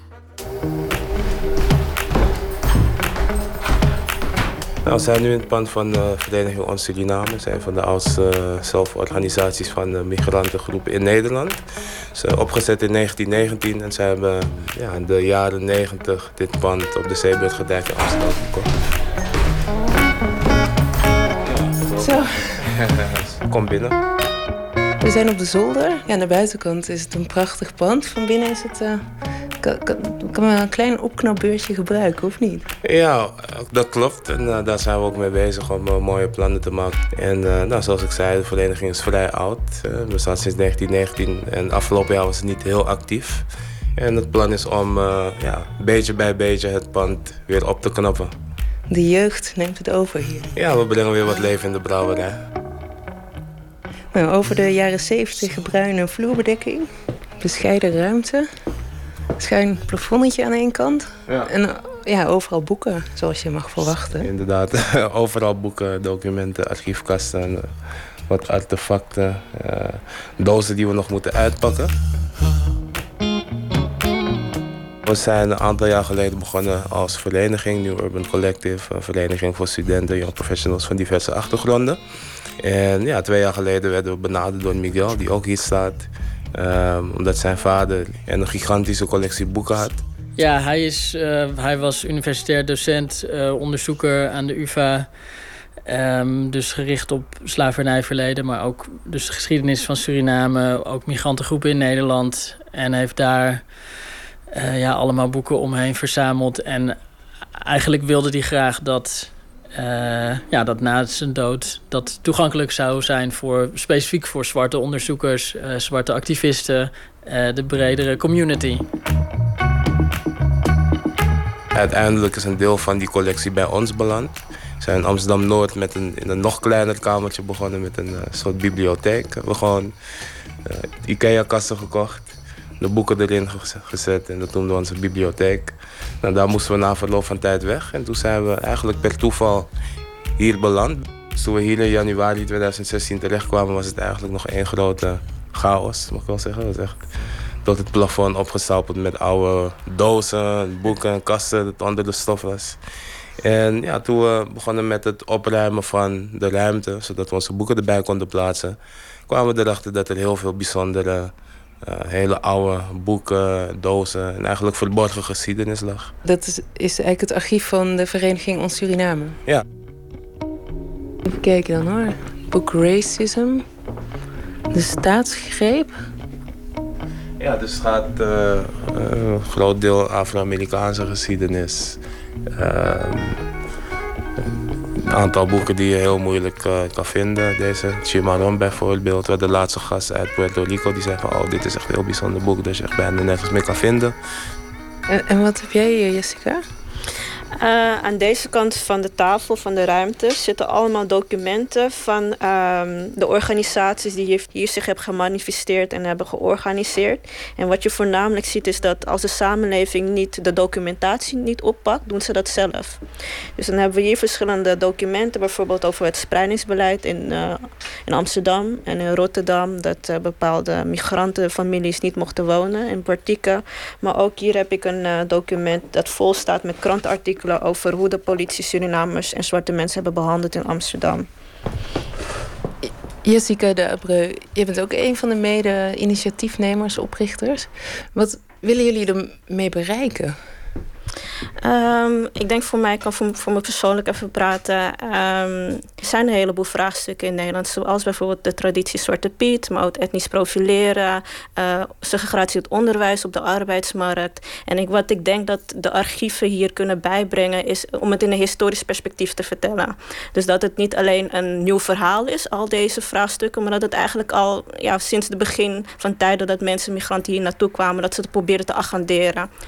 Uh, er zijn dus heel, sommige van de stukken en boeken die hier zijn, kan je niet op andere plekken vinden. Heel veel wat er hier is, kan je wel op andere plekken vinden. Maar het heeft ook een waarde dat het ja, hier allemaal bij elkaar is. Dus je kijkt naar andere instituten, dan ja, is vaak toch het dominante witte eurocentrische perspectief aanwezig. Hier wordt bewust dus de focus gelegd op andere perspectieven, op uh, onderdrukte perspectieven, op zwarte uh, perspectieven. Ik kan me ook nog goed herinneren toen we openden in uh, Amsterdam Noord, dat echt ja, mensen die daar waren echt iets hadden van wauw, wat, wat geweldig dat, dat dit er eindelijk is en dit had er al veel eerder moeten zijn. En, en ook dit netwerk en dus andere mensen die je ook ontmoet, andere ja, onderzoekers, activisten, andere mensen die geïnteresseerd zijn hierin. Ja, dus het gaat ook om een plek waar het allemaal samenkomt. Zeker. Toen ik zelf op de VU studeerde bijvoorbeeld... had ik moeite om bepaalde onderwerpen, bepaalde literatuur te vinden. Maar uh, een heel ander belangrijk ding is dat je ook uh, mensen om je heen moet hebben... die ja, jou uh, kunnen stimuleren, inspireren, motiveren. En zeker hè, mensen van kleur, zwarte mensen in de Nederlandse samenleving... zijn dat soort plekken heel erg schaars. Um, en dat willen wij hier ook creëren. Een plek waarin mensen die interesse hebben in deze literatuur en onderwerpen uh, terecht kunnen voor inspiratie, motivatie. En wat zit er allemaal nog in die dozen dan hier? Weten we zelf. We, dat weten jullie zelf nog niet. Nee, klopt. Dit zijn echt de laatste dozen die we moeten uitpakken. Nou, ik kan wel eentje gewoon even pakken. Kijken wat erin zit. Wie weet vinden we wat bijzonders. Mm. Suriname, krantenknipsels, 1973, 74. Goed vergild allemaal? Aardig vergild. Eens kijken wat dit is. Nou ja, het is echt, uh, je ziet het, uit 73, 74. Dus dat is echt de periode vlak voor de onafhankelijkheid... toen er nog volop strijd werd geleverd. En iemand heeft toen gewoon alles uit de krant geknipt wat erover ging. Ja, klopt. Iemand heeft dat heel goed uh, bijgehouden toen de tijd. En nou, bijvoorbeeld voor een student die nog een scriptie wil schrijven over decolonisatiebewegingen in Suriname. Ja, die kan al deze krantenknipsels bekijken en uh, ja. wellicht nog wat nieuwe bevindingen doen.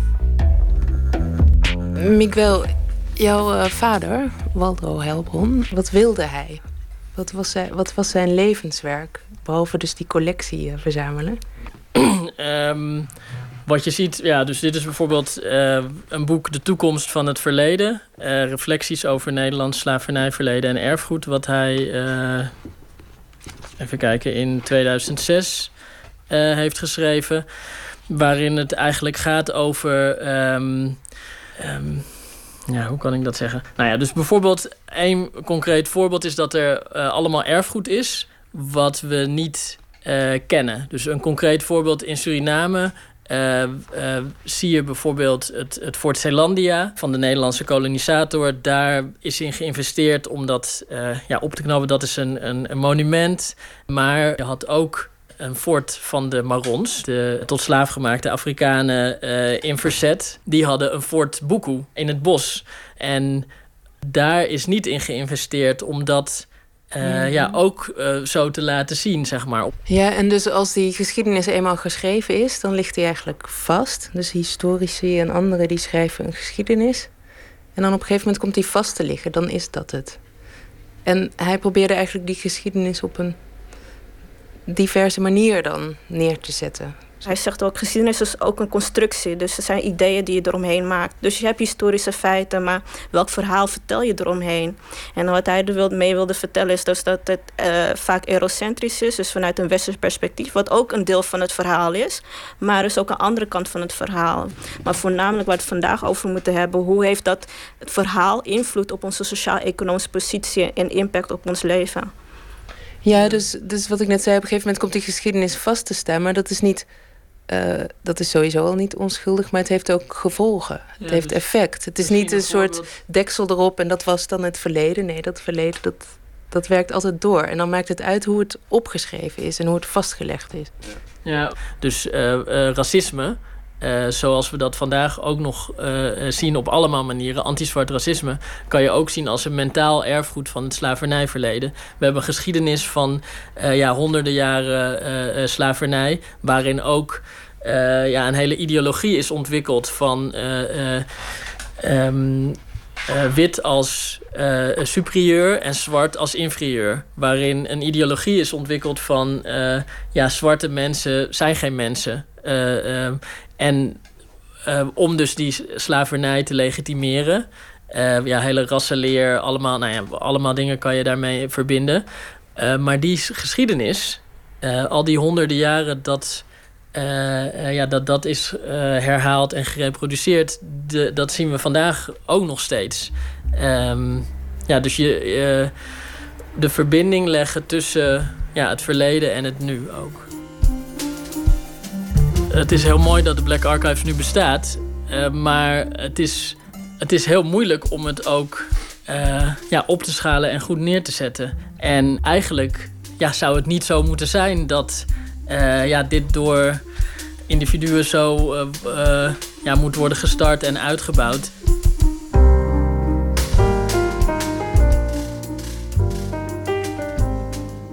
Een bijdrage van Emmy Colau. Meer informatie op theblackarchives.nl.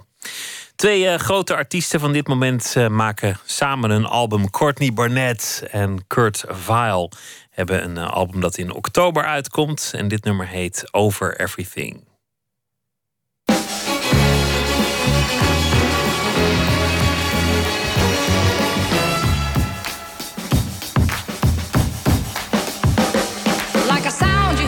Lingers in your ear, but you can't forget from sundown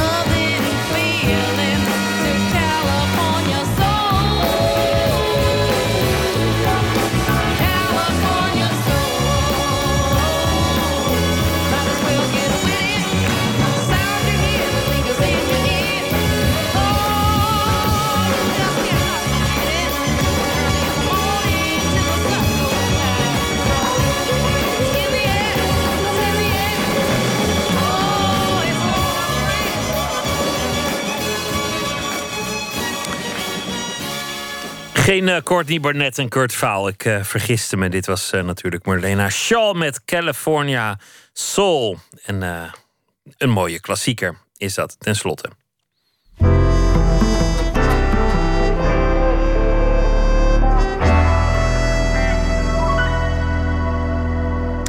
De rubriek heet Open Kaart. 150 vragen over werk en leven. Victor Vrulke is hier te gast. Het Dispuut heet zijn uh, nieuwe boek. Gaat over, uh, of het begint met een ontgroening. En het gaat over uh, corporale kringen. En een dispuut dat heet Max Havelaar. Maar waar de oude Max Havelaar zelf... Oh, sorry. Multatuli. Waar Multatuli zelf zich helemaal niet thuis zou hebben gevoeld.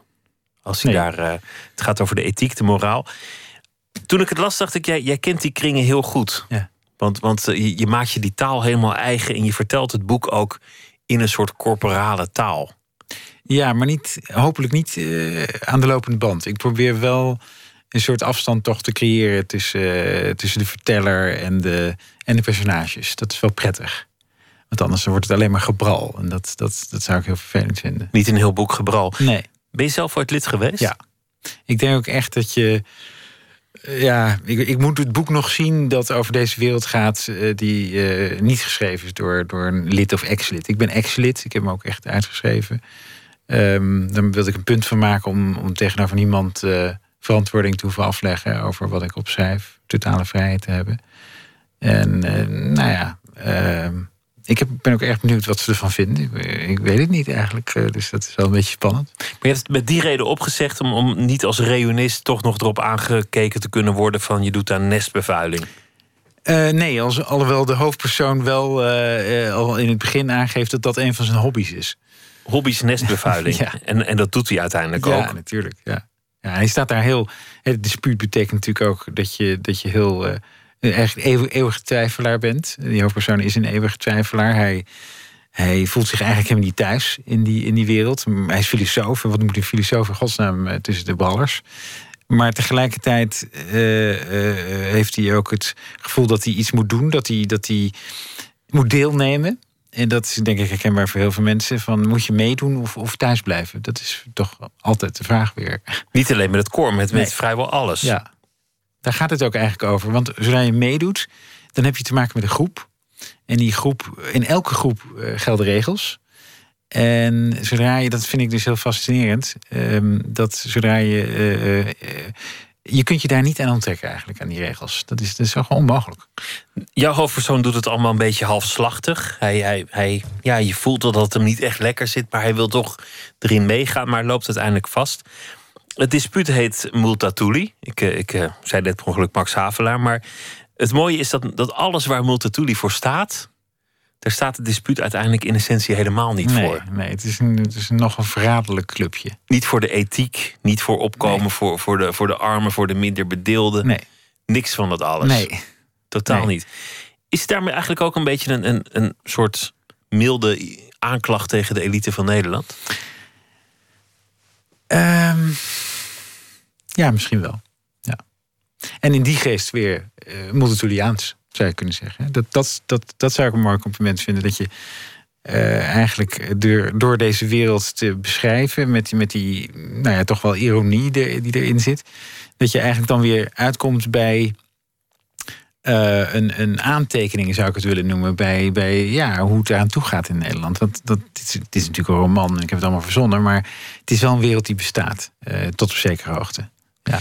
Er gebeurt een, een, een groot misdrijf, hmm. maar dat wordt allemaal op, netjes opgelost zoals nette jongens dat onder elkaar oplossen. Ja. En, en dat, dat heb je met zoveel verfijning beschreven dat het op een gekke manier herkenbaar werd. Hmm. Dat ik gewoon als krantenlezer dacht, ja, zo gaan die dingen wel. Ja. Ja, nee. Zo los je dat op. Het grappige was, ik heb me toen ik dit uh, boek ging schrijven, wilde ik een excess erin doen. Het is, het is een beetje voorspelbaar. Je denkt van oké, okay, oh, het gaat over korballen, dus er komt een excess in voor. Dat, dat is een beetje clichématig. Uh, maar ik wilde juist eigenlijk um, de lezer meevoeren in die wereld zodanig dat je denkt van ja, dit, dit, het is tamelijk gruwelijk. Laten we wel wezen wat er gebeurt. Het, het is zeer gruwelijk. Ja, en, en toch accepteer je het als iets dat zou kunnen gebeuren. En, en dat dat misschien ook op die manier zou kunnen gebeuren. En um, en met- met de dekmantel weer wordt eh, eh, afgedekt. Dat hè, de- toch weer eh, uiteindelijk stilte het resultaat is van dit alles. Netjes opgelost onder elkaar. Precies. Die jongens zijn zich de hele tijd bewust van het feit dat ze, dat, dat ze worden grootgebracht voor iets groters. Voor, voor een eh, voorname positie. Mhm. had, je, had jij dat gevoel zelf ook toen, toen je nog Nou bij het ja, ik, zat? ik, ik heb natuurlijk. Ik, ik had een kansloze studie gekozen. Hè, qua, ik, ik wist natuurlijk dat mijn studie absoluut niet tot, tot, tot welk inkomen dan ook zou leiden. Dus eh, ik, eh, ik heb het overigens met heel veel plezier gestudeerd. En ik heb het ook afgemaakt, tot mijn, toch wel enigszins tot mijn eigen verbazing. Maar eh, ehm, eh, ik, ik had dat gevoel niet. Nee, ik keek ik, met ook zeker jaloezie. Dat, dat, dat, proef je er ook wel uit, denk ik. Naar die mensen. En, eh, en die mensen, ik bedoel, mijn eigen eh, familie eh, kent ook veel van dat soort mensen. Dus het, het, is, ik kan niet zeggen dat dat zijn die mensen daar en ik zit hier en ik heb daar niks mee te maken. Dat, dat, het is, die mensen, daar zitten ook in mij. Maar, en ik denk in iedereen. Hè. Je, je kunt je niet helemaal onttrekken aan alles. Ehm, en je kunt je ook niet maatschappelijk eh, eh, ingraven. Ja, dat kan wel, maar dat is volgens mij niet de weg naar het opperste geluk. Ehm, dus je moet meedoen. Weer, daar zijn we weer. We moet, je moet meedoen. Dit, dit, dit lijkt op het thema van je vorige boek. Want dat, dat ging over iemand die uiteindelijk een baantje neemt. Een, een schrijver die er niet van kan leven. Nou, dat, dat kunnen er ook maar weinig. En die komt terecht bij PostNL als Mhm. eh, postbezorger. En, en er zat een soort gêne in, in, eh, in de Zeker. verteltrand. Ja, logisch. Schaamte van, kijk, mij is eh, gestudeerd. eh, Nou, alles leek zo mooi. En hier, hier loop ik post te bezorgen. Nou, het grappige was, of nou ja, grappig, eh, ook wel gênant zou je kunnen zeggen, is dat ik eigenlijk ehm, eh, eh, heel weinig schaamte ken. Als je mijn vrouw zou vragen, wat heeft hij niet? Dan zou, die zeggen, zou zij zeggen schaamte. Waardoor zij het eh, nogal veel heeft. Maar goed, dat zeiden. Maar in ieder geval, ik, ik, ik ging daar heel met een open mind in. En ik, en ik dacht, van, nou, ik ga het gewoon doen. Eh, Ook, ik vond het ook wel grappig als, als experiment. Ehm, maar toen ik me uiteindelijk dat pakje ging aantrekken... en daadwerkelijk door de straten ging banjeren... en dus als lucht werd beschouwd eh, door, door andere mensen... toen dacht ik, ja, jeetje, dit, dit, is, dit is echt. Dit is, dit, is, is heel pijnlijk eigenlijk. Want ik ben gewoon ben gewoon een nobody. Zodra je daar binnenkomt en het, betaalt niet heel geweldig, dan, dan, dan, dan wordt eigenlijk aan alle kanten ook door je werkgever je ingevreven dat je niks voorstelt. Ja, je bent echt, omdat het zo'n grote organisatie is... en je bent echt een... een ja, nou ja, je, je hebt het boek gelezen, dus je, hebt, je weet hoe, de, hoe dat gaat. Het is vrij ontluisterend. Ik, ik, ik vond het ook verbazingwekkend dat na dat boek niet iets. Het ging voornamelijk over mij, want ik werd ontslagen naar aanleiding van het boek en zo. En dat was natuurlijk erg leuk om over te, over te roddelen. Maar, maar de, de, de inhoud van het boek, de, ook weer een soort van aanklacht tegen, tegen de manier waarop mensen aan die aan de onderkant van de arbeidsmarkt worden behandeld. Daar werd geen woord over, over vuil gemaakt. Dat vond ik wel jammer eigenlijk. Ja. Het ging alleen maar over, over jouw dispuut met PostNL. En Precies. Dat, dat zij dat ook niet, eh, niet lichtvaardig Nee. op, opraadt. Ik heb het eigenlijk zo gelezen: dit is wat er gebeurt in een krimpende markt. Als, als, als zeg maar de banen schaarser worden. En er dus een, een zeker voordeel bij de werkgever ligt waar het gaat om het putten uit het personeelsbestand. Er moeten namelijk altijd mensen uit. Dan is dit wat er gebeurt. Je, zou dit ook van toepassing kunnen achten op eh, de journalistiek of, of heel veel van die andere takken van sport. Ik denk dat dat eh, bij alle grote bedrijven eh, wel op een of andere manier gebeurt, ja. Maar het is, het is niettemin, omdat, omdat je echt aan de onderkant zit en, en zo weinig verdient en zo weinig voorstelt. Kijk, de, postbodes kunnen nog niet geautomatiseerd worden. Maar als het, als, als het had gekund, hadden ze dat onmiddellijk gedaan. Een robotje of een Ja. drone of, Ja. eh, of, En- of iets van, van dien. Precies. Laten we beginnen met de kaarten. Eh, ik wil je vragen om, eh, om er één te trekken. Wie of wat is de liefde van je leven? Nou, dat is makkelijk. Wie is Anne? Je En- vrouw. En wat is de literatuur? Nou, dat, dat is eh, heel helder. Wanneer wist je dat van die literatuur? Ehm, dat wist ik eigenlijk al heel lang.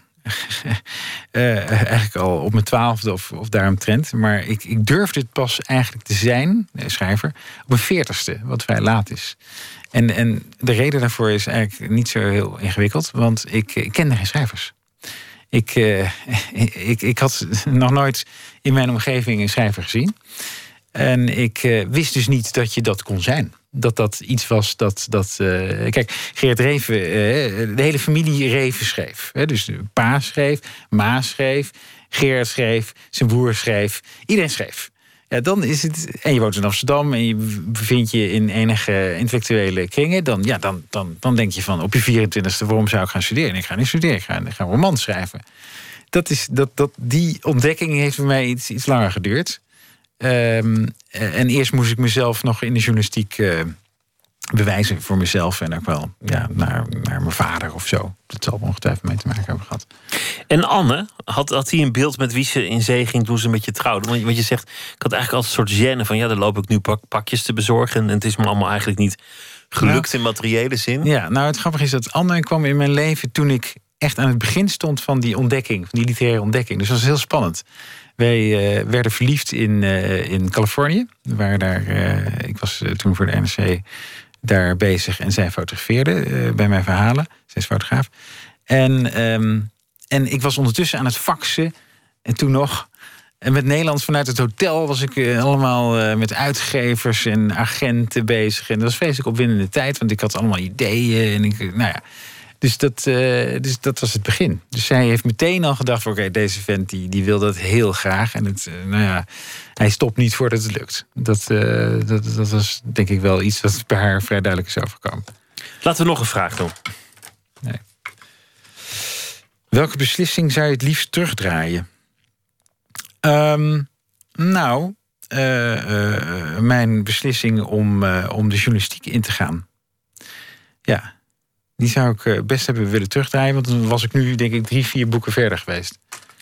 Achteraf vond je dat zonde van je tijd. Je hebt er vast ook wel wat geleerd, toch? Ik heb er wel wat geleerd. Ik heb tien jaar in Amerika gewoond. Mijn eerste roman speelt zich helemaal in Amerika af. Is een Amerikaanse roman, zou je kunnen zeggen. En die roman had ik ook niet kunnen schrijven, denk ik, als ik dat niet had meegemaakt.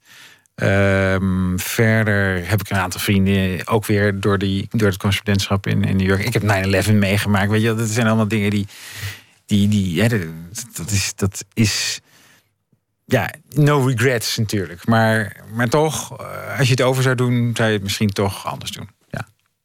De volgende vraag. Uh, heb je wel eens een mooi compliment gekregen? Nou, volgens mij net van jou. Maar uh, ja, dat krijg ik wel eens. Alhoewel me opvalt dat uh, Nederlanders niet goed zijn in het uh, geven van complimenten. Dat vinden ze echt lastig. Amerikanen zijn er heel goed in, een beetje te goed. Je voelt je voortdurend, oh jeetje, moet dit allemaal? de Nederlander kan daar weer niet meer goed mee omgaan. Dan moet je dus thank you zeggen, dat is ook heel gek. Maar ja, soms denk ik wel eens van, goh, ehm, als iemand echt een bijzondere prestatie heeft geleverd, dan mag je daar best eens een keer een beetje uitbundig iets van zeggen. En iemand prijzen. Ja, in plaats van alleen maar te, net te doen alsof het doodnormaal is. Ja, met, met jouw vorige boek, sorry dat ik daarop terugkom, maar dat, dat vond ik eigenlijk het merkwaardige van de strategie van, van, uh, van de posterijen. Ze hadden dat boek moeten omarmen. Ja, dat, dat was als, als, als, als marketingstrategie ja. volgens mij veel ja. briljanter geweest. Mm. Zwaar, ik denk ook dat het boek intern, nee, dat weet ik zelfs zeker. Het boek is intern echt stuk gelezen. Want ze kregen gewoon gratis, eigenlijk, hè? een rapport van 350 pagina's. Van hoe, waarin hoe geen is, woord ja. gelogen was. En van iemand die geen enkele agenda had, behalve een leesbaar boek schrijven. Nou, wat wil je nog meer? Je krijgt gewoon. In McKinsey gaat het je niet geven hoor. Ook niet voor drie ton. Dus je hebt groot gelijk. Dus dat moet zeggen, wat een prachtig boek. En, en uh, ja. dit vraagt begrip voor het, uh, voor het leven van een postbezorger. Kom en, nog eens een lezing geven. En, ja. en uh, goh, ja, er zitten voor ons ook leerzame dingen ja, in. En, absoluut. Dat, nou dat was meteen een sympathiek bedrijf geweest. Absoluut. Ja, nee, dat, dat, maar dat, dat zegt ook wel heel veel. Ik denk dat ze het heel warm hebben gekregen toen, toen dat boek uitkwam. Want ik kreeg heel veel publiciteit. En uh, ze, kreeg, ze hebben heel warm gekregen. Maar tegelijkertijd merkte ik ook toen ik op het matje werd geroepen. Dat heb ik allemaal op mijn blog nageschreven voor mensen die dat leuk vinden te lezen.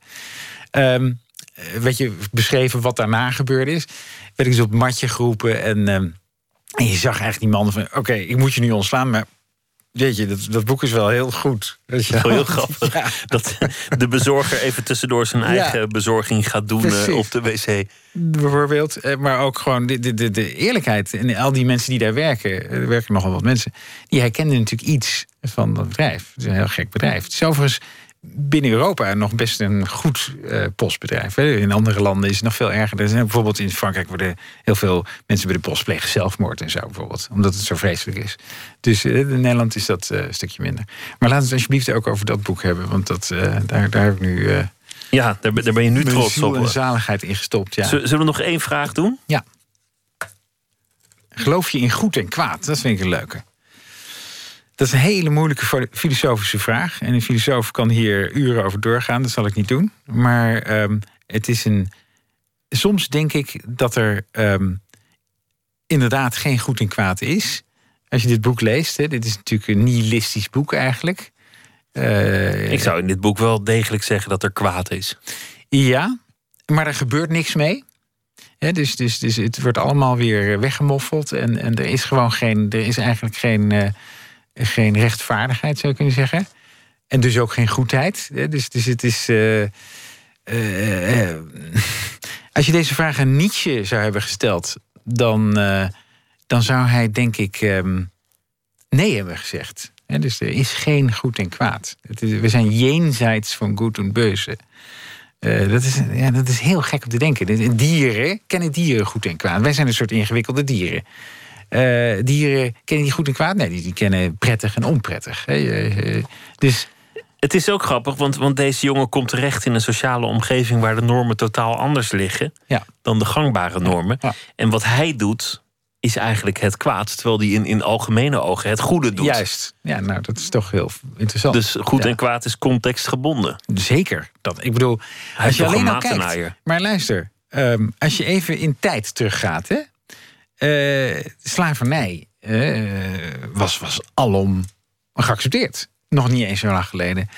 Eh, ik las laatst weer een verhaal van een lynching. Hè? Dat was, was gewoon in de jaren 50 in Amerika. Werd er nog, werden er mensen gelyncht.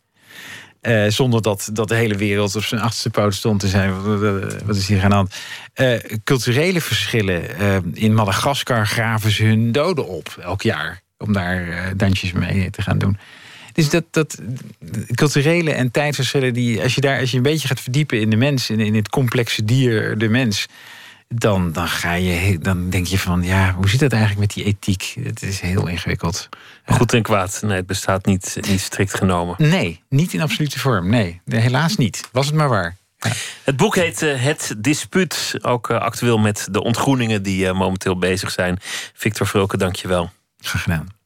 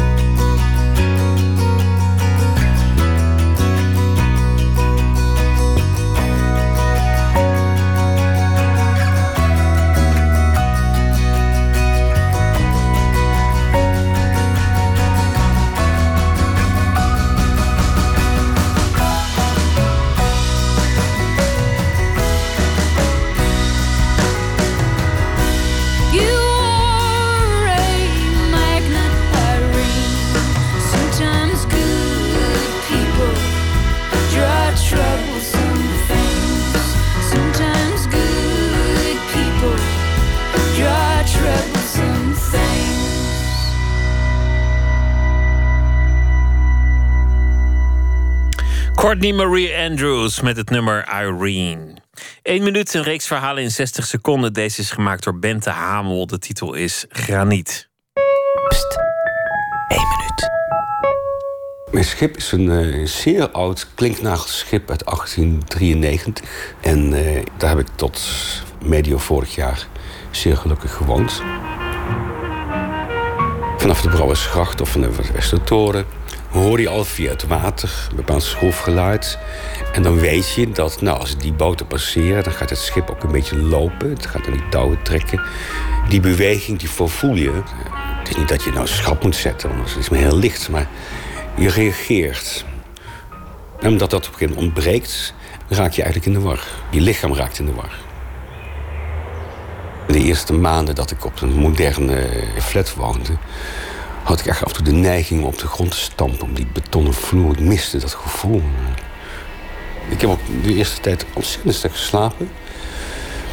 Dan komt er een trein met duizend zware wagons steenkool voorbij. Die flat doet helemaal niets. Die is zo star als een berg van graniet.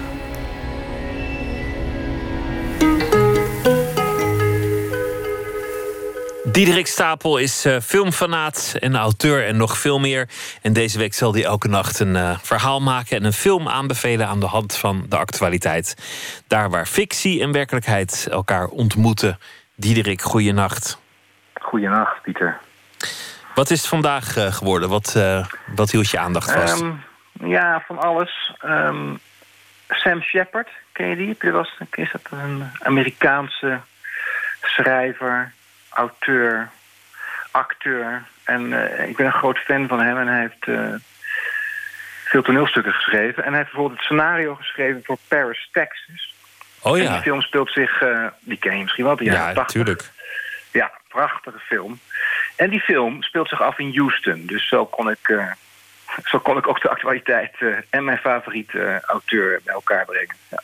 ja, Paris, Texas en de stad die onder water staat. Precies. Ik ben benieuwd, ga je gang. Houston is een zonnige stad. In de zomer is er soms wel 100 graden Fahrenheit. En nu staat alles onder water. Het is er klam en koud. Ooit in een vorig leven, in een ver verleden, toen ik vooral vooruit wilde en de horizon oneindig leek, ging ik naar Houston, Texas om de skyline te zien. Ik was in de buurt voor werk en wilde de stad zien... net zoals Harry Dean Stanton deed in Paris, Texas. Het meesterwerk van Wim Wenders uit 1984.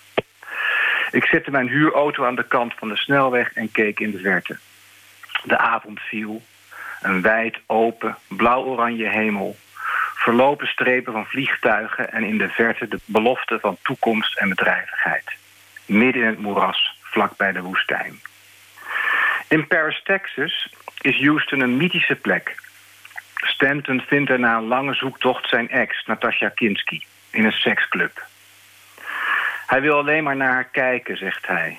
En terwijl hij dat doet, vertelt hij in een van de mooiste monologen uit de filmgeschiedenis hun verhaal. Sam Shepard schreef het scenario. God hebben zijn ziel. I knew these people, these two people. They were in love with each other. In het Houston van Paris, Texas schijnt altijd de zon. Het is er bloedheet. Net als in het Houston van Boyhood, The Tree of Life, Rushmore, Don't Look Back, Arlington Road, Blood Simple en Terms of Endearment.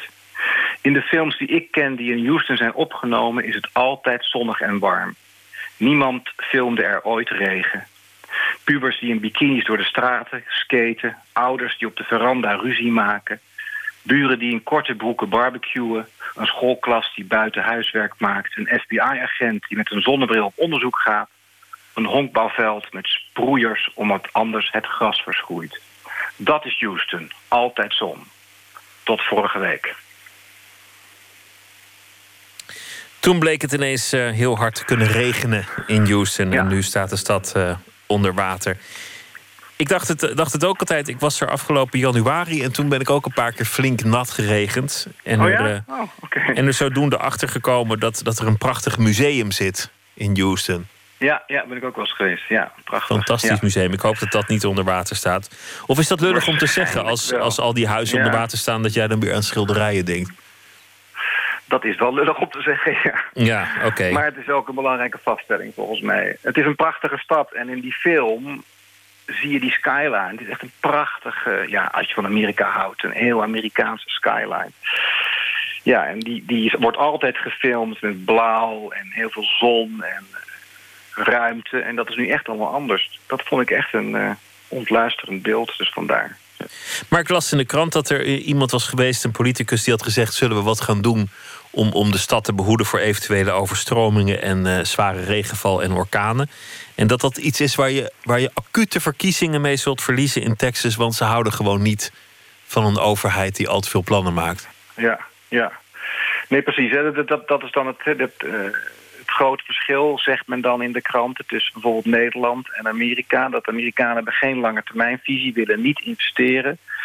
Ze, hè, ze luisteren niet naar waarschuwingen. En dan gebeurt dit dus. Want dat had allemaal voorkomen kunnen worden... omdat ze al heel lang bouwen en ontwikkelen op, eh, op een moeras... Op een, op een stuk land dat snel overstroomt. Maar kennelijk is dat iets wat Amerikanen heel ingewikkeld vinden. Iets langer kijken dan hun eigen generatie. En het niet aan de markt overlaten. En het niet aan de markt overlaten. Ja, dus het is weer een pleidooi, zoals ook de afgelopen nachten... voor eh, solidariteit en een, eh, een warme deken van de maatschappij. Diederik, dank je wel. En eh, morgen weer een verhaal. Goeienacht. Oké, tot dan. Goedenacht. Jean-Pierre Ravi is eh, dichter en hij eh, draagt het gedicht voor met als titel Ritueel.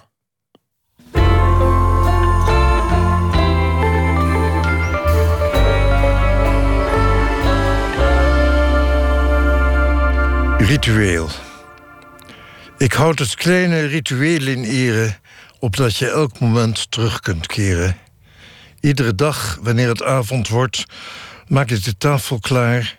Een extra bord, bestek, je eigen stoel, een kaars, een glas, alsof je enkel opgehouden was. Ik hoor, hoe kon ik denken dat hetgene waardoor ik ben voor altijd was verdwenen? Ik hoor, alsof de woning nog bestond, het grind, de klink, het aanslaan van de hond. En je komt binnen op het ogenblik dat ik de lamp ontsteek, de bloemen schik. Ik hoop alleen dat ik dan rustig blijf en haast niet opziend van mijn stil bedrijf de woorden vind als was het vanzelfsprekend. Schuif aan, tas toe, er is op je gerekend.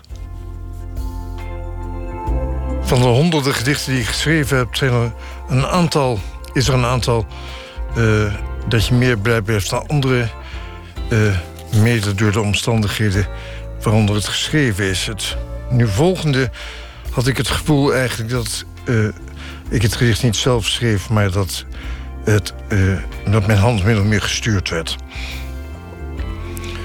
Ritueel. Ik houd het kleine ritueel in ere, opdat je elk moment terug kunt keren. Iedere dag, wanneer het avond wordt, maak ik de tafel klaar. Een extra bord, bestek, je eigen stoel, een kaars, een glas, alsof je enkel opgehouden was.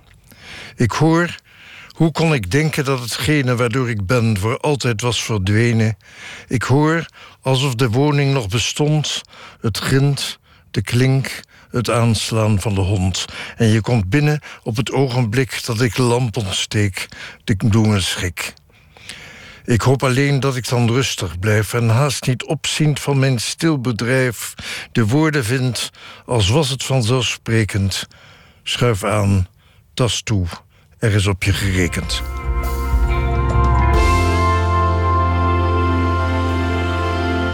Uit de bundel Woelig Stof uit de 1989 Jean-Pierre Rabi met het gedicht Ritueel. Morgen in Nooit meer slapen komt Jente Jong op bezoek. Theatermaker, actrice en schrijver. En uh, die gaat in gesprek met Floortje Smit. Naar aanleiding van haar eerste boek Het Intieme Vreemde. En het gaat uh, over een actrice, net als zij zelf... die op jonge leeftijd haar moeder verliest. En uh, het bevat ook fragmenten van de moeder van Jente zelf. Dat allemaal morgen in Nooit meer slapen. Voor nu een hele goede nacht. En graag weer tot morgen.